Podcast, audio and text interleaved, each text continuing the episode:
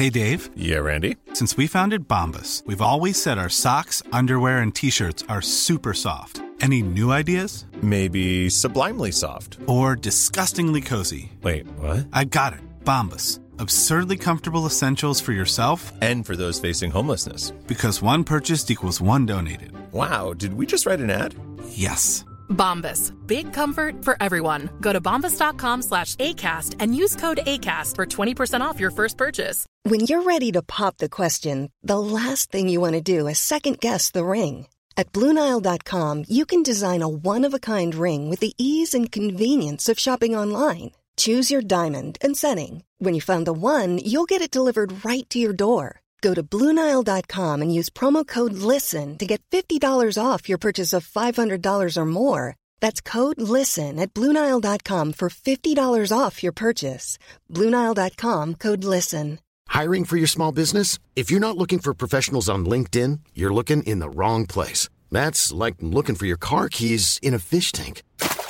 LinkedIn helps you hire professionals you can't find anywhere else, even those who aren't actively searching for a new job but might be open to the perfect role. In a given month, over 70% of LinkedIn users don't even visit other leading job sites. So start looking in the right place. With LinkedIn, you can hire professionals like a professional. Post your free job on linkedin.com/people slash people today.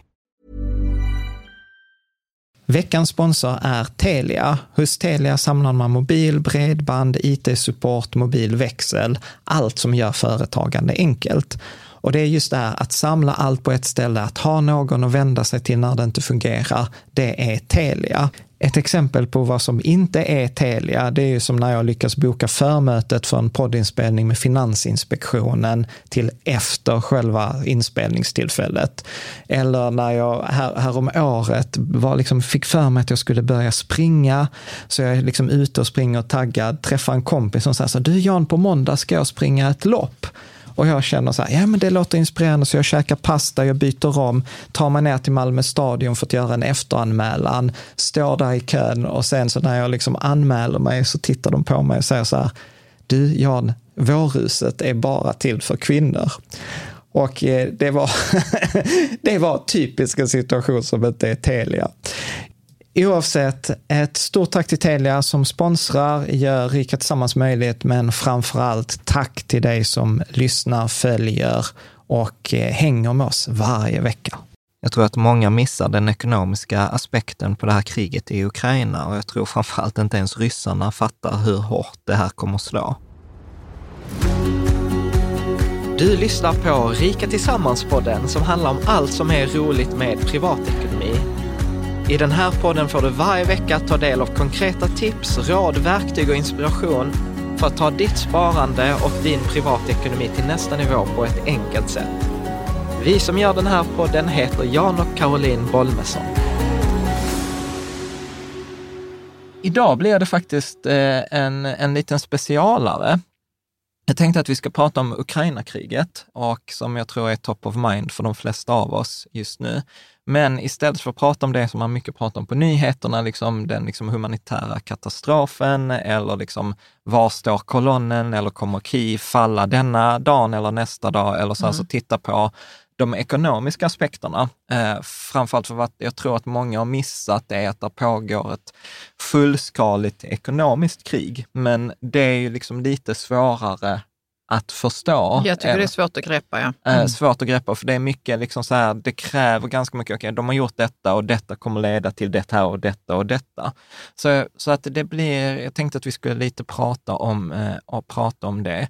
Men jag tänker också att innan, innan vi, vi, vi kommer in i det, så tänker jag att liksom dagens, jag har skissat på dagens avsnitt, ni har inte fått vara med i planeringen. Eh, så att jag tänker så här, för det första, jag är inte opartisk. Alltså vi känner folk nere i Ukraina. Eh, vi har liksom anställda, vi har vår före detta au pair där. Min mamma, eller min pappa flydde 1968 från Tjeckoslovakien när, när Tjeckoslovakien skulle befrias inom situationstecken av Sovjetunionen.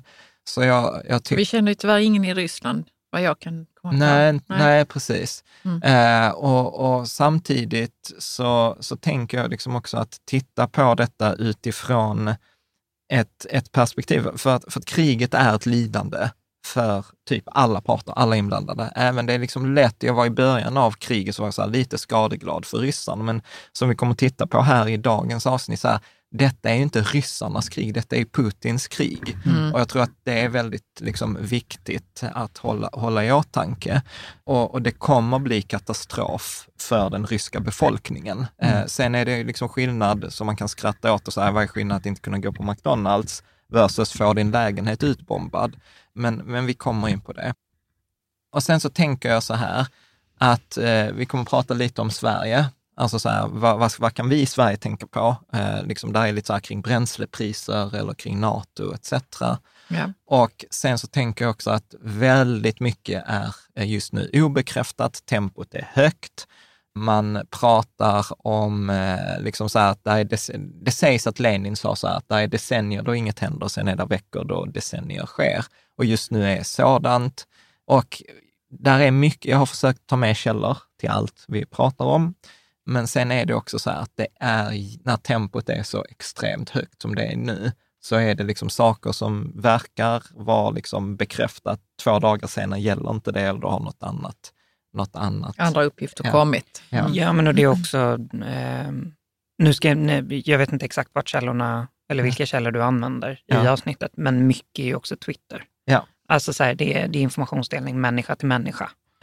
Eh, och man vet inte vem människan på den andra sidan är. Nej. För, för att det är en profilbild och ett, ja. en, en, ett användarnamn. Nej men precis, och, och, och detta, vi, vi, kan börja där egentligen. Mm. För, jag, för att liksom, Twitter är, alltså så här, jag har innan sagt så att Twitter är en avskrädeshög eh, och jag tar tillbaka det. Jag hade fel. För när det gäller snabb information så är det inget som är bättre än Twitter. Kanske Telegram mm. eh, just nu också, eftersom det är liksom väldigt populärt i Ryssland. Det är en annan app. Men, men jag må, och där när det gäller precis källkritik gäller ju ändå källor på Twitter. Då har jag ändå försökt också. Där finns ju, alltså precis som där plötsligt när pandemin kom, kom väldigt många epidemiologer som plötsligt var väldigt duktiga. Man aldrig, de har aldrig pratat om virus och pandemier tidigare, men när pandemin kom så, så var de experter. Ut, utrymme då ju. Mm. Ja, fast detta, är liksom, detta var ju lite med skämt. Alltså mm. att folk som inte är epidemiologer ja, utger ja, sig okay. för att vara. Mm. På samma sätt är det ju många som är nu. Men då är det ju ganska intressant att försöka följa de människor. Där är till exempel en som heter Michael Kaufman, som har liksom pratat om Ryssland sedan 2012. Mm. Alltså han, han, har doktorerat på det. Det är mycket liksom professorer, det är mycket liksom duktiga människor som har pratat om de här sakerna sedan innan, som jag försöker följa. Sen är det ju mycket, liksom, där är journalister, där är folk som som gör. Men, men det jag måste säga, som efter att ha hängt på Twitter typ nonstop i två veckor, så måste jag ändå säga så att det jag älskar med Twitter är ju att där är ju nördar på allt. Mm, alltså där ja. är nördar på allt. Alltså där är Ta det med bildäcken. Ja men exakt. Alltså då är det till exempel en, en, en sajt som heter Oryx, eh, som just nu är sån här open source int han är ju den som typ alla använder som det visuellt bekräftade förstörda fordon på mm. båda sidorna. Är med på både mm. ukrainska och ryska sidan. Så han, varenda bild som läggs upp i sociala medier analyserar han. Vad är det för en bild? Vad är det för ett fordon? Eh, vad är det liksom, eh, vad har det förstört? Så han kan ju också många gånger vara så här, åh, titta, nytt eh, förstört ryskt fordon. Så han säger, nej, detta publicerades för sex dagar sedan. Mm. Detta är redan med. Ja, ja. För då finns det faktorer Perfekt. av bilden som jag man kan förstår. analysera. Ja. Men det roliga var då, då skrev han, liksom, för då var det någon, så, en helt okänd person på Twitter skrev bara så här, hej, eh, jag vet inte om jag kan bidra, men eh, jag är specialist eh, på liksom däck och underhåll av liksom militära fordon. Jag har jobbat med det i 30 år i amerikanska militären. Och sen så var det liksom så här bildserie, okej, titta här på de här däcken. Detta är billiga kopior av kinesiska däck. Titta här, här kan man se att denna bilen har stått i ett år för att däcken läcker på det här sättet. Ja, och med, på tal då om Rysslands dåliga underhåll, underhåll, av underhåll och logistik. Fordon och, ja, och, då ble, och då blev det roligt, för till exempel han Orik som då är jättestor, han var så här, hej, can we get the tire guy to liksom eh, svara på det? Och så, och så plötsligt så lär man sig sjukt mycket om däck. Ja, eh, också, ja, men precis som du säger, man blir ju väldigt så förundrad över eh, människors kompetens ibland. Folk har jobbat i 30 år med underhåll av militärfordon och kan det här med däcken och vilka ja. det ska vara och vilka det inte ska vara och hur länge det har stått. Så. Alltså Man blir helt mm. förundrad. Ja. Och, och, det är det som jag tycker är ganska spännande när, när vi kommer till källorna, att många av de här källorna är ju människor som är alltså så sjukt smala Vilket gör ändå att jag upplever så här, ja, detta är ju det, du vet när man hör i media, så har du ofta någon som ska vara så här, generalist, ska kunna förklara, ska kunna göra det på tre minuter. Du vet, på Twitter har du någon som kan skriva liksom så här, du vet, i fyra timmar om liksom den ryska liksom effekterna av den ryska invasionen av Japan 1905 och dess påverkningar på, på liksom det sovjetiska samhället mm. och parallellen till dagens krig. Alltså mm. det får ju aldrig utrymme på, på, en sådan, eh, på en sådan grej. Så att ja, det är mycket Twitterkällor, det är mycket nördar på Twitter. Jag kommer i presentationen sen lägga ut, jag har försökt länka alla tweetsen mm. och sånt. Så att, och sen försökt också bekräfta det med typ BBC, The Guardian, jag Wall Street Journal. Jag tänkte precis fråga om du, har, om du upplever att eh, media hämtar lite information från Twitter också. Eller alltså, de alltså gjorde med, inte det i början i alla ja, fall. Jo, nu gör de det, men media alltså, de ligger ju så efter. Jo, men mm. det är mm. väl också för att de hela tiden behöver verifiera, verifiera, verifiera källorna och är det sant det här som sker? Vi måste mm. vänta med att lägga ut den här informationen. Jag kan se det framför mig att man vill, man ja, kan men, inte vara snabb då ju. Ja, men delvis, men sen återigen, de är inte specialister. Nej. Och vi, kom, vi kommer till det, alltså till exempel Sydsvenskan gjorde bort sig i helgen. Alltså då är det så att det sägs att ryssarna har liksom kidnappat vissa av de här borgmästarna och liksom tagit, arresterat dem eller vad de har gjort. Och sen så kommer eh, Sydsvenskan, jag tror rubriken var så här, ny borgmästare i denna stan utsedd. Och bara, eh, nej, mm. du kan inte skriva ny borgmästare utsedd. Det har inte varit något val, det har inte varit någon valberedning, det har inte varit något godkännande. Det där är en quisling. Mm. mm. Alltså det, det var precis så man gjorde. Alltså, och då blir de här liksom... Som, de har, går deras ärenden lite grann... Omedvetet, ja. för att de är inte liksom, specialister. Samma som Magdalena Andersson har ju aldrig varit diplomat. Så att de fattar liksom så att det här uttalandet att, ja, men att ett svenskt medlemskap i NATO ska destabilisera. De fattar inte liksom vilka förverkningar det får när du kommer in liksom så här väger de här orden. Så det här nu du säger, alltså statsministern inte har riktigt koll på på detta. Ja. ja. Hur ska hon, och, och, och, jag säger inte det för att döma henne, utan jag säger så att det är väl fullt naturligt. Alltså så här, vi har, det är en jävla massa saker inte vi har koll på. Mm. Och, och liksom så här, det är klart att, om, det har jag ju märkt i intervjuer, det är så här, om vi ska prata om ekonomi, eller bara du som lyssnar på det här, om vi skulle säga så här, hur ska man investera? Så är det enkelt att säga så här, ja men spara brett. Men vi har ju liksom 250 avsnitt där vi har pratat om varför spara brett och vad är alternativen och sånt. Det är klart att det är ingen journalist som har liksom 15 års erfarenhet. Nej, nej men, men när det gäller statsministern så, och, och försvarsministern och utrikesministern så har jag ändå förvä vissa förväntningar ja. på att de ska ha koll på en del saker som inte jag har koll på. Ja. Som NATO ja, då till exempel. Ja, men mm. vi, vi kommer till det. Ja. Och där, där blandas det också in med ideologi och åsikter, mm. ska sägas. Mm. Alltså, ja, så här, det är, man, man, kan ha en åsikt om huruvida ett NATO-medlemskap skulle destabilisera. Ja. Och sen så vet vi inte, för att Sverige har inte gått med i NATO, vi har inte sett effekterna av det. Mm. Alltså det är, mm. det är väldigt volatilt alltihopa. Och det måste man också ha i åtanke när man pratar om de här generalisterna.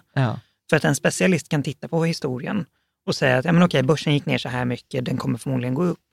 Medan en generalist kommer att ha svårare att se just de sambanden. Ja. Mm. Um, men vi, kom, vi kommer till det, just NATO ska ja. vi prata mer om. Jag mm. har mycket starka åsikter i, i det. Nej. Ja. Jo. Jag ska också säga att jag, att jag tycker att en generalist som sitter i en eh, befattningsposition behöver ha specialister mm. som kan rådge. Mm. Ja. Men vi har aldrig mm. haft en sån här situation, så att, skitsamma, vi, okay, vi kommer till okay. det. Ja, det blir mycket ja, åsikter. Men, men jag tänker i alla fall, om man tittar på det, så och liksom försöka bena ut det, så påstår jag, och, och återigen inte som det bara jag har hittat på, utan det finns massa källor till det här, att det är egentligen så här fem krig som pågår samtidigt mm. i det här, eller fem mm, aspekter. Ja. Eh, där pågår liksom det, det, fysiska eller det kinetiska kriget. Mm. Alltså som är så här, liksom stridsvagnarna, styrka, styrkorna mm. där liksom Ryssland har invaderat, Ukraina försvarar sig. Bästa källorna följer det, det är typ Sky News, Cornucopia. Det är de liksom som följer den kinetiska delen liksom bäst.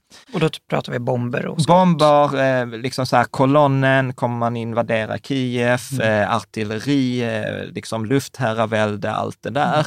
Mm. Och, och jag, även om jag tycker, tycker det är sjukt intressant, inte vårt specialområde. Jag har mycket åsikter, men det, är inte, liksom, det finns andra som gör liksom, bättre. Michael Kaufman, Mark Hertling, det är många duktiga mm. som gör det där. Det som typ inte pratas så mycket om, som jag tänkte vi skulle prata om, det är ju att Putin har dessutom startat ett ekonomiskt krig mot det egna, liksom, det egna landet, alltså den egna befolkningen. Är det krig nummer två här nu? Ja, mm. alltså att det har ju blivit, och, och jag hade ju som undertitel till det här avsnittet, så här, den ryska ekonomin är double fucked. Eh, och det är inte mitt uttryck, utan det är en ekonom, rysk ekonomiprofessor. Eh, och vi kommer komma till det, för det är lite basen för detta avsnittet. Sen pågår det ju liksom ett politiskt krig mot den egna eliten. Som Putin, så, Putin har krig mot den egna eliten? Ja, det har eliten. blivit ett krig mot den egna eliten för att liksom, jag tror inte att oligarkerna eller hans generaler har signat upp för, för detta kriget och de, de konsekvenserna det kommer få för dem. Alltså säg bara så enkla exempel, de här lyxjakterna eller liksom det här som han har beslagtagit. Som han beslagtagit eller när han gjorde bort eh, sin säkerhetschef i, mm. i tv etc. Så att det är liksom, där pågår spänningar. Det sägs återigen obekräftat Åtta av tolv av de högsta generalerna har blivit arresterade. Man har gjort räder mot eh, FSB, som är liksom den ryska säkerhetstjänsten. Man har anklagat liksom chefen för eh, dålig information, dåligt beslutsunderlag eh, och att han har försnillat liksom korrup korrupt eh, liksom, snutt pengar som skulle Men gå till är det. detta något som Putin eh, planerade eller det kom liksom Nej, det är en bara med att det var ett, det är en konsekvens. jobbigt krig för dem? Ja, men mm. att, och där finns det också många som pratar om saker, vad, vad är liksom misstagen i mm. assumptions man har gjort? Sen är det ett informationskrig som pågår, som, eh, som Ukraina just nu alltså leder med hästlängder. Jag läste någon, tror någon eh, analys i New York Times som var ganska, som var så här, Alltså innan kriget så hade Zelensky typ så här 25 procent av Ukrainas befolkning tyckte mm. att han gjorde ett bra jobb och kritiken var välbefogad. Alltså att det var många så här inrikes policyfrågor så polis som, som inte var liksom bra genomförda. Och, och då skrev journalisten så här, att ha ett produktionsbolag, att leda ett land är kanske inte det bästa för att Zelensky är ju skådespelare och det är hans produktionsbolag och han har ju tagit sina kompisar liksom från produktionsbolaget och satt dem i regeringen. Sen skrev journalisten att däremot ha ett produktionsbolag som leder ett krig där informationsaspekten är väldigt viktig, alltså det är fucking brilliant. Mm. Och, och, det märker man ju alla de här, liksom sådana här eh, när USA vill hämta ut Zelensky och han säger så här, I don't need a ride, I need more ammunition. Mm. Eller vet, de spelar in att... Du Sådana one-liners. Ja. Mm. ja, eller att, nej, men igår till exempel nu den 13 mars, du vet, då spelar de in video när Zelensky är ute och går i Kiev, går på sjukhusen och liksom, det blir en enorm kontrast mot det här med Putin. Så det, det är det vi ser från Ukraina, men eh, vi ja, sa att det var ett informationskrig. Ser, ja, men det är ett informationskrig. Alltså, det är, alltså, en av de anledningarna, jag tror, varför kriget går som det går, alltså, många krig, alltså så här, till exempel Mellanöstern, oerhört komplext. Syrien, alltså så du vet så här, å ena sidan och andra sidan. Där är inget å ena sidan och andra sidan. Ryssland, eller liksom Putin har anfallit. Det är ett angreppskrig på civila. Detta är så svart och vitt det kan bli. Mm. Är ni med? Ja. Ni, ser, ni ser skeptiska jo, jo, men jag vill bara poängtera här att det här informationskriget som du tycker att Ukraina vinner, Ja, just nu. Det handlar ju också om att vi får se uh, hur det går i, i, kriget där. Eller hur? För det är därifrån bilder kommer. Ja, fast det är inte det jag menar. Jo, men vänta här nu. Vad, vad är det du menar då? För att Informationskriget, så här, hur ser väst på, hur ser befolkningarna? Alltså så här... Jo, men det är det jag ska komma till. Hur vi ser på det som sker, det är ju för att vi får bilder och vi, får, vi känner saker när vi ser de här mm. bilderna och vi förstår att Zelenskyj är en en hjälte som stannar kvar och som inte vill fly till något annat land och mm. regera i, i, i exil. Mm. Liksom. Så att det som vi känner för det vi ser, det är ju så de vinner informationskriget, eller hur? Ja, jag förstår. Ja, ja, svar ja. Och det är inte då som var min poäng, utan, utan min poäng är så här, det är liksom så här, en del i informationskriget är så här, väst har enats. Till mm. exempel så här, yeah. mm. NATO har hittat sin ryggrad eller hittat sitt purpose igen. Det är liksom så här, du har en ledare, så du vet, så här, han har hållit tal till liksom så här, du vet, Berlins befolkning, så här, Warszawa, alltså så här, Georgien, alltså människor går man ur huset för att lyssna på, på, på honom. Mm. Så att där är liksom, där är liksom ingen annan bild av det här. De enda Nej. som har en annan bild av det här kriget, det är ju de som är utsatta för propagandan inne i Ryssland. Och inte ens den funkar för att liksom, du har liksom folk, eh, vad ska man säga, alltså du har ju mycket så här kulturell elit. Du har ju så här, nu, bara denna helgen så är det liksom så stora artister i Ryssland som bara liksom gjort låtar. Eh, du vet, så här, en, en av de största rapparna tydligen i, i Ryssland släppte en låt, du vet, sista, sista halva minuten är ett inspelat samtal från mamman till en av hans liksom, kollegor. Mm. Du vet, så Vänta, att, är de för eller emot kriget? Ja, jag, jag, mot. Ja, mm. för att det skulle lika gärna kunna vara att de har blivit att de behöver liksom få göra någonting, någon propagandalåt för kriget. Ja, men det, de gör ju inte det. det är svårt att hänga med i vad, vad ryssarna får för information och hur deras ja. propaganda ser ut ja. och så. Ja, och propagandan liksom, det, liksom så, här, så att just nu, återigen, informationskriget är kan, men det hade man också kunnat prata massor om. Ja, ja. Uh, och sen det sista, den femte aspekten som jag tror inte många le, liksom förstår heller, är ju att det är egentligen ett indirekt krig mot de allierade till Ryssland. Ryssland har inte många allierade. Det är typ så Armenien, Vitryssland, Kazakstan, Kirgizistan. Och Kina.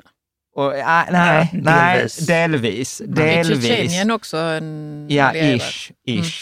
Men, men vad som händer, som vi kanske bara kommer nämna, är ju bara att när den ryska rubeln faller så faller ju de andra valutorna också. Mm. Så att de har ju liksom också fått sig, och Vitryssland får ju sanktioner mot sig eh, etc. Så att där är, där är liksom så många aspekter på, på Men det är också det, om jag får bara flika in här, som jag tycker det gör det otäckt alltihopa. Just den svart och vita eh, aspekten på alla de här fem krigen och att det är fem krig. Mm. Att det blir liksom så enorma alltså det är ett krig, som är men igång. detta är olika fronter. Jo, jo, jo, mm. olika fronter, men det är enorm kraft i det, plus då att det är svart eller vitt, som gör att, att jag kan känna så att det är stressande. Mm. Ja. Att, att jag också jag vet inte var det ska ta vägen. Liksom. Ja, och det, det är ju läskigt. Alltså så här, återigen obekräftat, men till exempel så här att det sägs, eller igår var det ganska mycket flöde om att Ryssland har bett Kina om hjälp. Sen har Kina gått ut och förnekat det idag men Kina och USA ska träffas. Alltså du vet, här, det står fan och väger. Mm. Det, det, är ju det som är läskigt, att det går ju liksom inte... Alltså staters och politikers uppgift är att skapa förutsägbarhet. Mm. Just nu har vi inte förutsägbarhet. Nej, det vi inte. Och det är det som gör det liksom läskigt. Sen ska ju vi vara ändå så här, du vet, vår förutsägbarhet är ändå kanske några veckor fram. Mm. Är du nere på marken i Ukraina så har du förutsägbarhet vad? Alltså en timme fram. Jaha, alltså, en liksom. Om ens det. Ja. Liksom. Mm. Så att, ja, detta var ju jävligt långt intro. Ja, äh, men, äh, jag tror att det inte är ett intro längre. John. Nej, äh, men i alla fall, jag tycker så här, kan man så kan man stödja Ukraina. Där finns liksom i, två, två, två sätt som jag tycker är bra. Det första är ukrainska riksbanken. och jag kommer lägga ut länk här, men det är bank.gov.ua eh, som eh, liksom man kan stödja direkt. Då kommer det liksom så här, det är ukrainska riksbanken.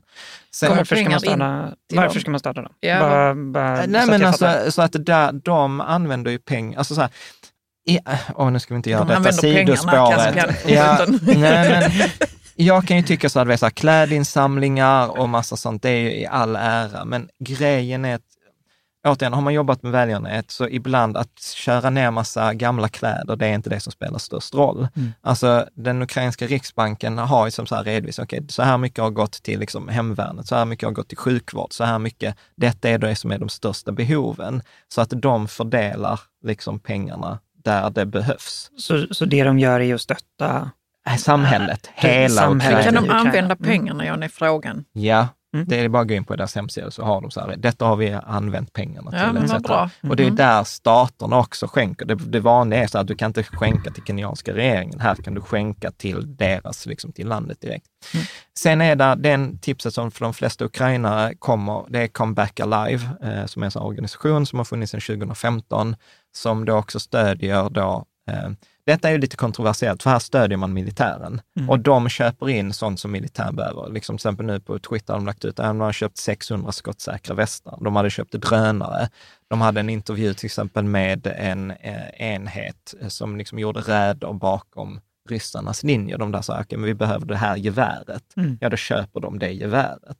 Eh, och sen hjälper de liksom veteraner, de hjälper liksom civilbefolkning. Så att det är liksom en av de största organisationerna på plats.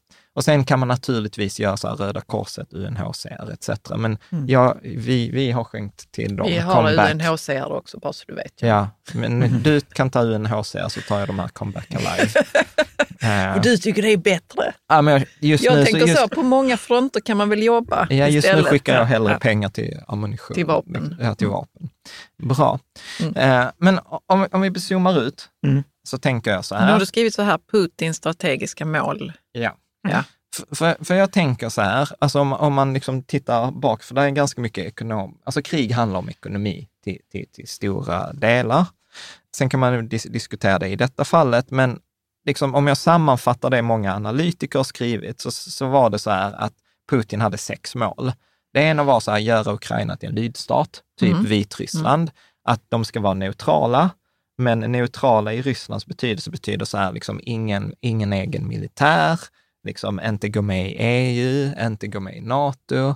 Eh, och där är också en myt att liksom Ryssland skyller på NATO, men det Ryssland inte gillar är ju EU. Det, är liksom, det var ju där hela började. Eh, man ville byta den politiska ledningen. Så att det var liksom mål nummer ett. Mål nummer två var ju att splittra NATO och EU. Utnyttja ett splittrat USA, att USA är liksom väldigt polariserat just nu mellan demokrater och republikaner. Eh, hela den här Trump-grejen. Eh, de drog sig tillbaka från Afghanistan, det liksom föll ihop etc. Eh, han skulle tjäna pengar på att sälja råvarutillgångar i Europa, alltså sälja olja, naturgas. Det gick sådär. Ja. Vänta här nu, jag tänker att eh, han har, har inte... han tänkt igenom detta, de här eh, strategiska målen ordentligt? Ja, men Ja, men alltså så här, utifrån Putins perspektiv mm. så är det ju detta och sen så ökar sin popularitet på hemmaplan mm. och, sen, och sen mycket som, som jag tror vi underskattar, för vi fattar inte det, Nej. det är ju att skapa ett legacy. Mm. Alltså så här, liksom... Ja, det, kan jag, det tänkte jag från början Peter att han ville. den store och, mm. och, och liksom Han ska den, vara en sån doer, som inte va... pratar bara utan gör. Ja, att hans arv ska ja. vara ett Storryssland. Vet, när han ja. tog över så var det kaos och när han lämnar så är det liksom... Men var har du fått de här ja. Eh, målen ifrån? Är det liksom att man, det... man tänker så att det här skulle kunna vara Putins strategiska mål. Ja, och detta är ju det han har på, på sätt och vis gjort i 15 år. Mm. Ja, alltså i Georg, Georgien, Kazakstan, Vitryssland. Kolla så här, Vitryssland har ju inget att säga till om. Mm. När Lukasjenko höll på att bli eh, utröstad så skickade han dit militär. Eh, mm. liksom. Mm. Eh, Men, samma Georgien, Kazakstan. Så att han, mm. han har ju gjort detta i andra länder. Splittrat NATO och EU har han ju varit svinduktig på i 15 år. I 15 år. Men hur tycker du nu att han lyckas med de här målen just nu? Alltså han har ju på två, det, det är det som många säger så här, på två, två veckor har han ju sabbat alla sex. Mm. Mm, på, alltså på två, alltså så här, det, det, det, återigen, det är svårt för nu har jag inte förberett de analyserna, men titta på Camille Galev, Michael Kaufman, Mark Hertling. På Twitter. På mm. Twitter. Mm. Och, många av de här skriver i Wall Street Journal, Times eller The Guardian etc. Uh, eh, att det är många som säger så här, på, på att ingen har liksom på, på så kort tid förstört så mycket tidigare arbete. För att liksom vi tittar på NATO, Mm. NATO har ju liksom enat sig. Mm. Sverige som har varit neutralt i två, 200, sagt att vi är neutrala, vi har mm. inte varit neutrala, men vi har sagt att vi är neutrala. Alliansfria. Alliansfria, mm. yeah. eller allianslösa, mm. kan man också tänka. Eh, har, har skickat vapen. Schweiz har mm. liksom skickat vapen. Eh, EU har liksom som alltid legat i efter, liksom efter USA i sanktioner och har varit de som har tagit täten. Alltså så att, eh, och liksom Tyskland har ökat sin, liksom så här, som vissa sa, slumbering giant. Alltså de har ökat sina försvarsutgifter, de har gjort ett mm. extra tillskott till sin försvarsbudget. Sverige ökar sin försvarsbudget med, eh, vad blir det, 30 procent? Mm. Ja, 2 procent av BNP. Ja, till mm. 2 procent av mm. BNP. Danmark höjer sin, också höjer sin, ska ta bort det här eh, reservationen mot EU-samarbetet, ska äh, liksom placera militär trupp på äh, liksom amerikansk militär i Danmark. Mm. Alltså du vet så här, alltså shit, alltså så här saker som var mm. helt otänkbara för tre veckor sedan har liksom plötsligt ja, hänt. Ja, Ukraina är, um, kan man väl se som långt ifrån Alltså eh, Ukraina Kanske... kommer ju aldrig bli en lydstat. Det målet nej, är ju kört och det har ju ryssarna också börjat. De har ju börjat ta bort detta, ryktas det om. i, i förhandlingarna. Mm. Eh, de tycker ju liksom så här, ja, att den politiska ledningen kanske ska vara kvar, men de får inte ha någon militär. Alltså det är, det, det är som att säga så här, okej, okay, men eh, vi, vi, nej, skitsamma. Nej, men det är, alltså, de vill att politiska ledningen ska vara, kan vara kvar. Men de ska, men de ska inte ha, någon, militär. militär eller någon säkerhetsstyrka. Alltså. Eller så. Nej men det, det, det är skitsnack. Ja, man kan nästan inte säga någonting till det, man kan bara rycka på axlarna. Mm. För hur skulle det ens vara möjligt? Ja, mm. exakt. Nej, och, och tittar man liksom så här på den ekonomiska aspekten så hade de till exempel Nord Stream 2 som skulle liksom importera sjukt mycket gas till Europa. Den, det konsortiet gick i, i, liksom i konkurs. Mm. Det är ingen som kommer vilja köpa den ryska gasen, utan tvärtom Tyskland har ju nu börjat prata om att innan årets slut 2022 så ska man göra sig av med all, eh, all olja från Ryssland. Man kommer man vill i Europa minska beroendet av rysk gas med två tredjedelar innan året är slut. Eh, man ska sluta importera liksom järnmalm och, och kol. Mm. Kol ska man också sluta importera. Så att, eh, och, och där har ju också det, liksom franska underrättelsetjänsten också, sägs det, eh, liksom, det har framkommit att Ryssland har ju sponsrat liksom så här, i Frankrike sådana här organisationer som är emot kärnkraft och sånt. För att man ska lägga ner För att man ska, att är det också i Sverige? Alltså jag det vet sägs, inte, jag, jag har inte kollat. Också... Det sägs att till exempel så att under, under kalla kriget så sponsrade liksom, eh, Sovjet eh, många sådana organisationer mot, mot eh, kärn, eh, mm. kärnvapen etc. Så att it makes sense att de skulle göra det. Ja, gud, liksom. Gud. Så att, liksom, så att där har han ju liksom också skitit i det blå skåpet. Vilket liksom. betyder att han har ju gjort det svårt ja, för sig själv. Gjort, gjort, gjort svårt och, och, och liksom det här med att öka sin popularitet på hemmaplan. Just nu så ser man ju ett upptick i, i, i Ryssland, men det, liksom att han är populär, liksom att eh, man ser det här Z-tecknet som liksom jag tror kommer vara som, ett, eh, liksom, som en svastika, ja. som ett mm, hakkors. det är väl det redan mm. diskussion om. Ja, redan nu. Mm. Och, och liksom, du vet, jag såg någon intervju där min liksom, intervjuade och så, nej men du vet, där, där lyder så här, nej men Putin, du vet den starke mannen kommer ta hand om oss. Och det är väl därför han, professor Maxim, som vi ska prata om strax, säger liksom den, den ryska ekonomin är double fucked. Den är fucked på grund av liksom alla, alla sanktioner och allt som liksom vi har pratat om hittills. Men den är dessutom double fucked för den ryska befolkningen har ännu inte fattat mm. vad som kommer liksom hit dem. Mm. Men har de inte redan drabbats av sanktioner? Nej, lite inte. grann. Alltså lite, det där med att inte klart. kunna betala absolut. kort och så. absolut, men det, det är så här, vi kommer till det. Ja, men du vet, det. Eh, vad var det jag skulle fråga här nu? Oh, tappade jag det. Ja, strunt samma. Får jag plocka upp en ja, grej då? Ja, absolut. Ja. Men så här, det, det, jag tror att många av de här grejerna är svåra att förstå utifrån ett västperspektiv.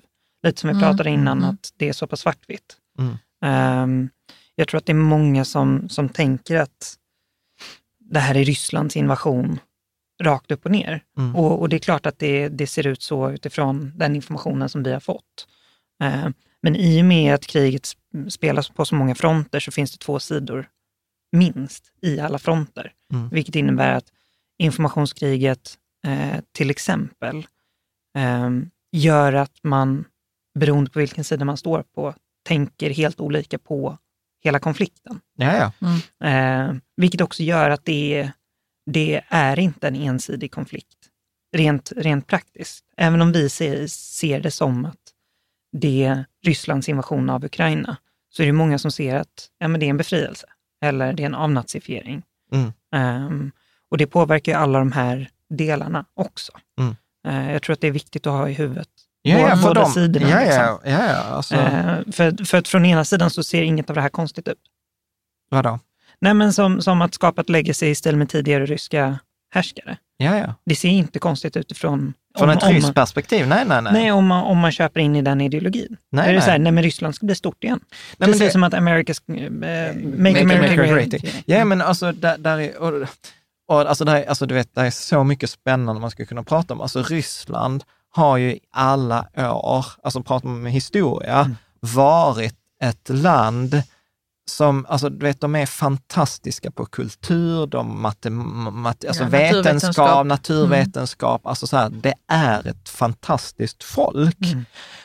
Problemet är att de har alltid försökt spela i en viktklass större än vad de egentligen är. Mm. Och de hade liksom någon period liksom för, för att, på liksom mellan 1500 och 1900-talet där de liksom, det var någon som skrev så här 50, 50 kvadrat, de ökade med 50 kvadratkilometer om dagen, liksom sin yta, alltså mm. enormt, enormt land. Men, men, problemet är liksom så här att de ser ju sig själva som en stormakt, men ingen annan har ju sett dem som en stormakt och det är därför liksom också ryssarna alltid för, har haft det här behovet av, av att hävda sig.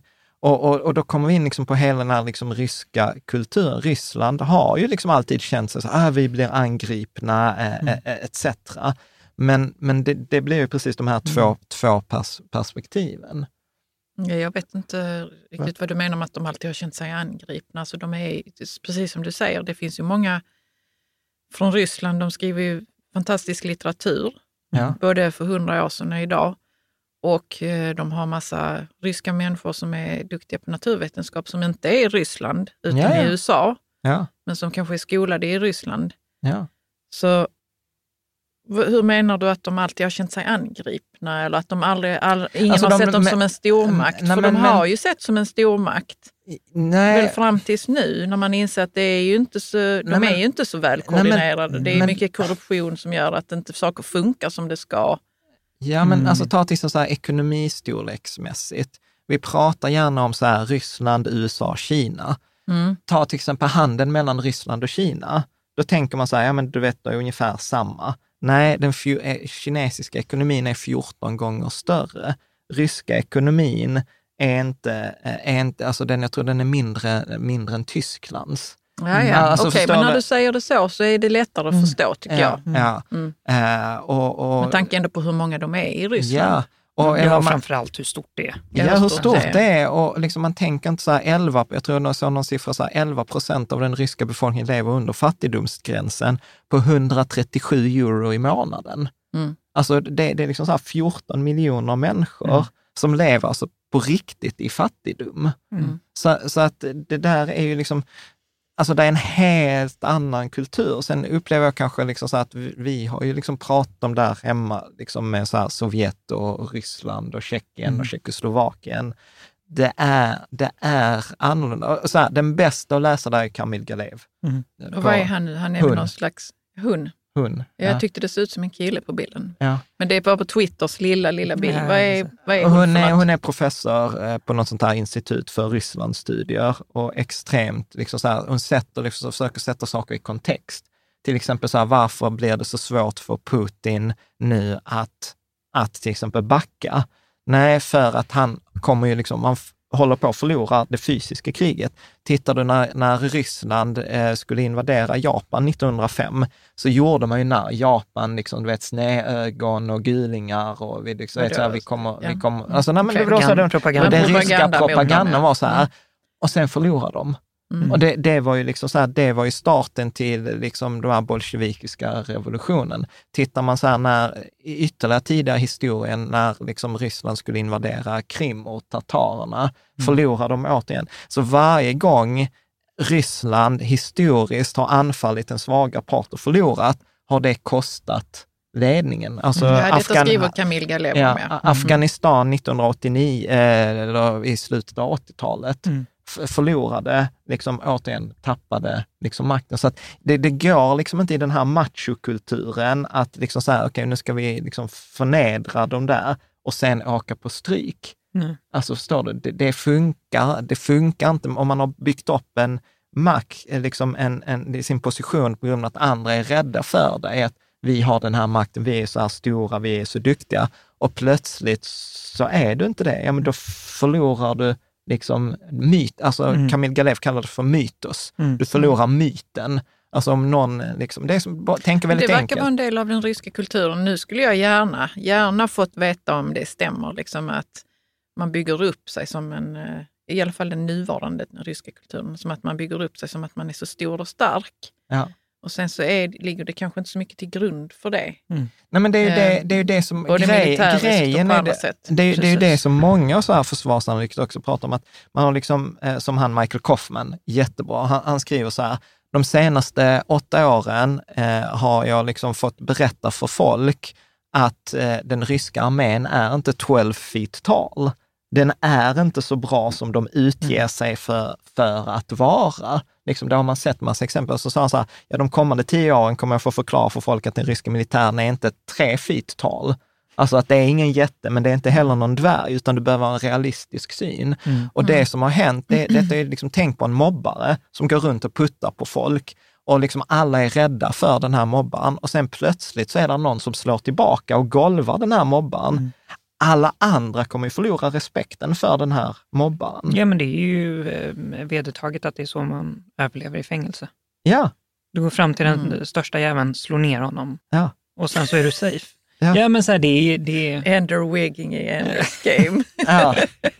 det är också en sån skola för hur det går till för att ja. ta och, och, ta ner mobbare. Ja, mm. så, så, att det där är, så att det, det där är sådana aspekter som vi ofta inte tänker på i, i, i, i det här. Men då frågar man sig också, eh, eh, förlåt mig om jag, tar, om jag tänker fel här nu, men vi tänker ju också på Kina som en sån stor och stark makt. Alltså nu ja. bara luckras mina föreställningar upp. Vem är mm. stor och stark egentligen? Mm. Är du med? För att Kina är ju också en diktatur. Ja. Och, det är, och det förekommer ju, enligt min föreställning då, mer korruption i en diktatur. Och det vet vi ju ändå att eller korruptionen har inte gjort det lätt för den ryska militären. Mm, Därför mm. man har inte gjort den här inventeringen av fordon och man säger mm. att man har gjort och man har tagit pengar emellan och sådär. Mm. Ja, men jag blir bara så, vem är stor och stark då egentligen? Ja, ja och det, det vet man inte. Det vet Nej. man inte förrän det där slagsmålet har ägt rum. Mm.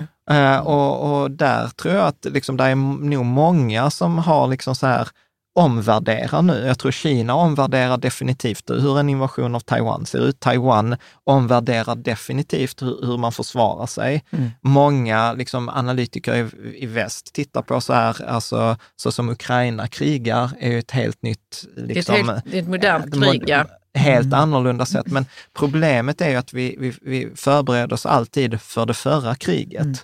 Eh, nu är vi åter inne på säkerhetspolitik, men för liksom något år sedan pratade man mycket om cyberkrig eller hybridkriget. Du mm. vet, så här, det kommer komma liksom gröna, gröna män. Ja, just det. Och drönare eh, mot drönare. Drönare mot drönare. Och detta kriget, vad är detta? Liksom så här, konventionellt krig med stridsvagnar. Mm.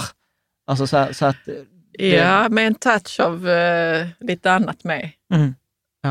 Drönarfoton och mm. Ja, men det är information. Det, det, är det som kallas ja. för vit propaganda. Liksom. Mm. Men så om vi ska gå vidare. Vi då, går vidare, mm. så, så om vi tar detta är då professor Maxim Mironov, eh, som då liksom gått, började i Ryssland, sen har doktorerat i Chicago, nu är han professor på någon högsko, ekonomihögskola i Spanien. Och vad är hans ämne? Han, eh, ekonomi. Han är ekonomi Rysk ekonomi eller ekonomi? Eh... Ja, jag vet inte. Det har Nej. jag inte liksom kollat upp. Man kan kolla Mironovs understreck FM. Ja. Då skriver han så här. Nu har jag bara liksom tagit från hans, eh, liksom så här, så kan vi titta. Twitter. Ja. Mm. Han skriver så här, ryska ekonomin är körd i botten, fakt, och den är double fakt eftersom de flesta, även de utbildade, inte har insett vad som väntar. Att, och detta skrev han den 2 mars. Eh, och mycket, liksom så här, då skrev han så här, inom kort kommer det saknas varor på hyllorna, inte iPhones bara. Du vet, det har också varit så här skämt på ryska Twitter. Du vet, så här, behåll, var, noga, var, var rädd om din iPhone, för det är den sista du kommer ha. och sådant. Eh, men han skrev så här, även vanliga saker som mat, kläder, och bilar eh, kommer saknas. Mycket riktigt, så här nu när vi tittar den 12, 12 mars för, ett par dag, för två dagar sedan, redan börjat eh, liksom så här, tumma hyllor. Det har kommit begränsningar på hur mycket du får köpa av saker går rykten om att liksom så här, ryska staten försöker bara så här, ja men du vet, hyllorna får inte bli tumma så att det blir liksom panik. Mm. Och liksom man säger så här, det som folk, liksom, då säger vi så här, ja men så här, Ryssland var ju, eller Sovjet var ju också inom isolerat på mm. 50-talet. Problemet var att inte Sovjet gick ju inte från att vara världs, integrerat i världsekonomin till att bli uteslutet, utan de var ju utanför hela tiden. Mm. Vad du har tagit nu är ju att du har tagit rysk ekonomi och då dratt ut sladden. Mm. Alltså folk har ju känt till de här grejerna med iPhone. Ja, man är van vid. Man är van vid och vi, kom, vi kommer in. Men, ja, eh, man har importerat all, eller mycket mat och ja. mycket liksom, råvaror och ja, exakt, alltihopa. Exakt, och vi kommer ju ha några mm. exempel på det här. Och, och det, det som han då påstår, som har liksom också visat sig nu de senaste dagarna, är ju att sanktionerna, vi kommer in på sanktionerna, men framför allt har ju de privata företagen har ju gjort alltså nästan hårdare sanktioner än mm. vad liksom de statliga sanktionerna är. Så till exempel Maersk och MSC, det är så här världens två största containerfrakt, eh, liksom för, fraktfirmor. Mm. mm. De har sagt så här, vi kommer inte ta emot beställningar på containrar, förutom det som är absolut nödvändigt, typ så här mediciner, eh, mm. liksom den typen. Så vi kommer liksom inte kunna frakta saker till och från Ryssland. Eh, det är liksom. där iPhonesen försvinner. Det är där iPhonesen försvinner. Och förutom då, och det, och det var egentligen helt oavhängt att Apple sen sa att vi inte mm. kommer sälja iPhones. Så även om Apple skulle vilja sälja sin iPhone, hur fan ska de få in det i, nej, i de kan Ryssland? Inte få in det, nej. Liksom. Och även företag som inte är under sanktion, som till exempel Gazprom, som är det största ryska liksom, energibolaget, de har problem att sälja olja. Eh, återigen ryktet, eh, stod i tidningar att de försökte liksom lägga 20 procent rabatt eh, på sin olja, fick den ändå inte såld. Eh, liksom ryska fraktfartyg kom till England eh, med olja, så här, vägrade, liksom, eh, brittiska arbetarna i hamnen vägrade lossa mm. fartygen. Alltså så att där är liksom sanktionerna och sen har du liksom privatpersoner och organisationer. Men äh, jag bara tänker så att det är ju rätt mycket varor som inte säljs nu då. Vadå? Alltså, mm. Hur går det för mm. Apple? Ja, men, alltså så här, men vänta, vänta, vänta.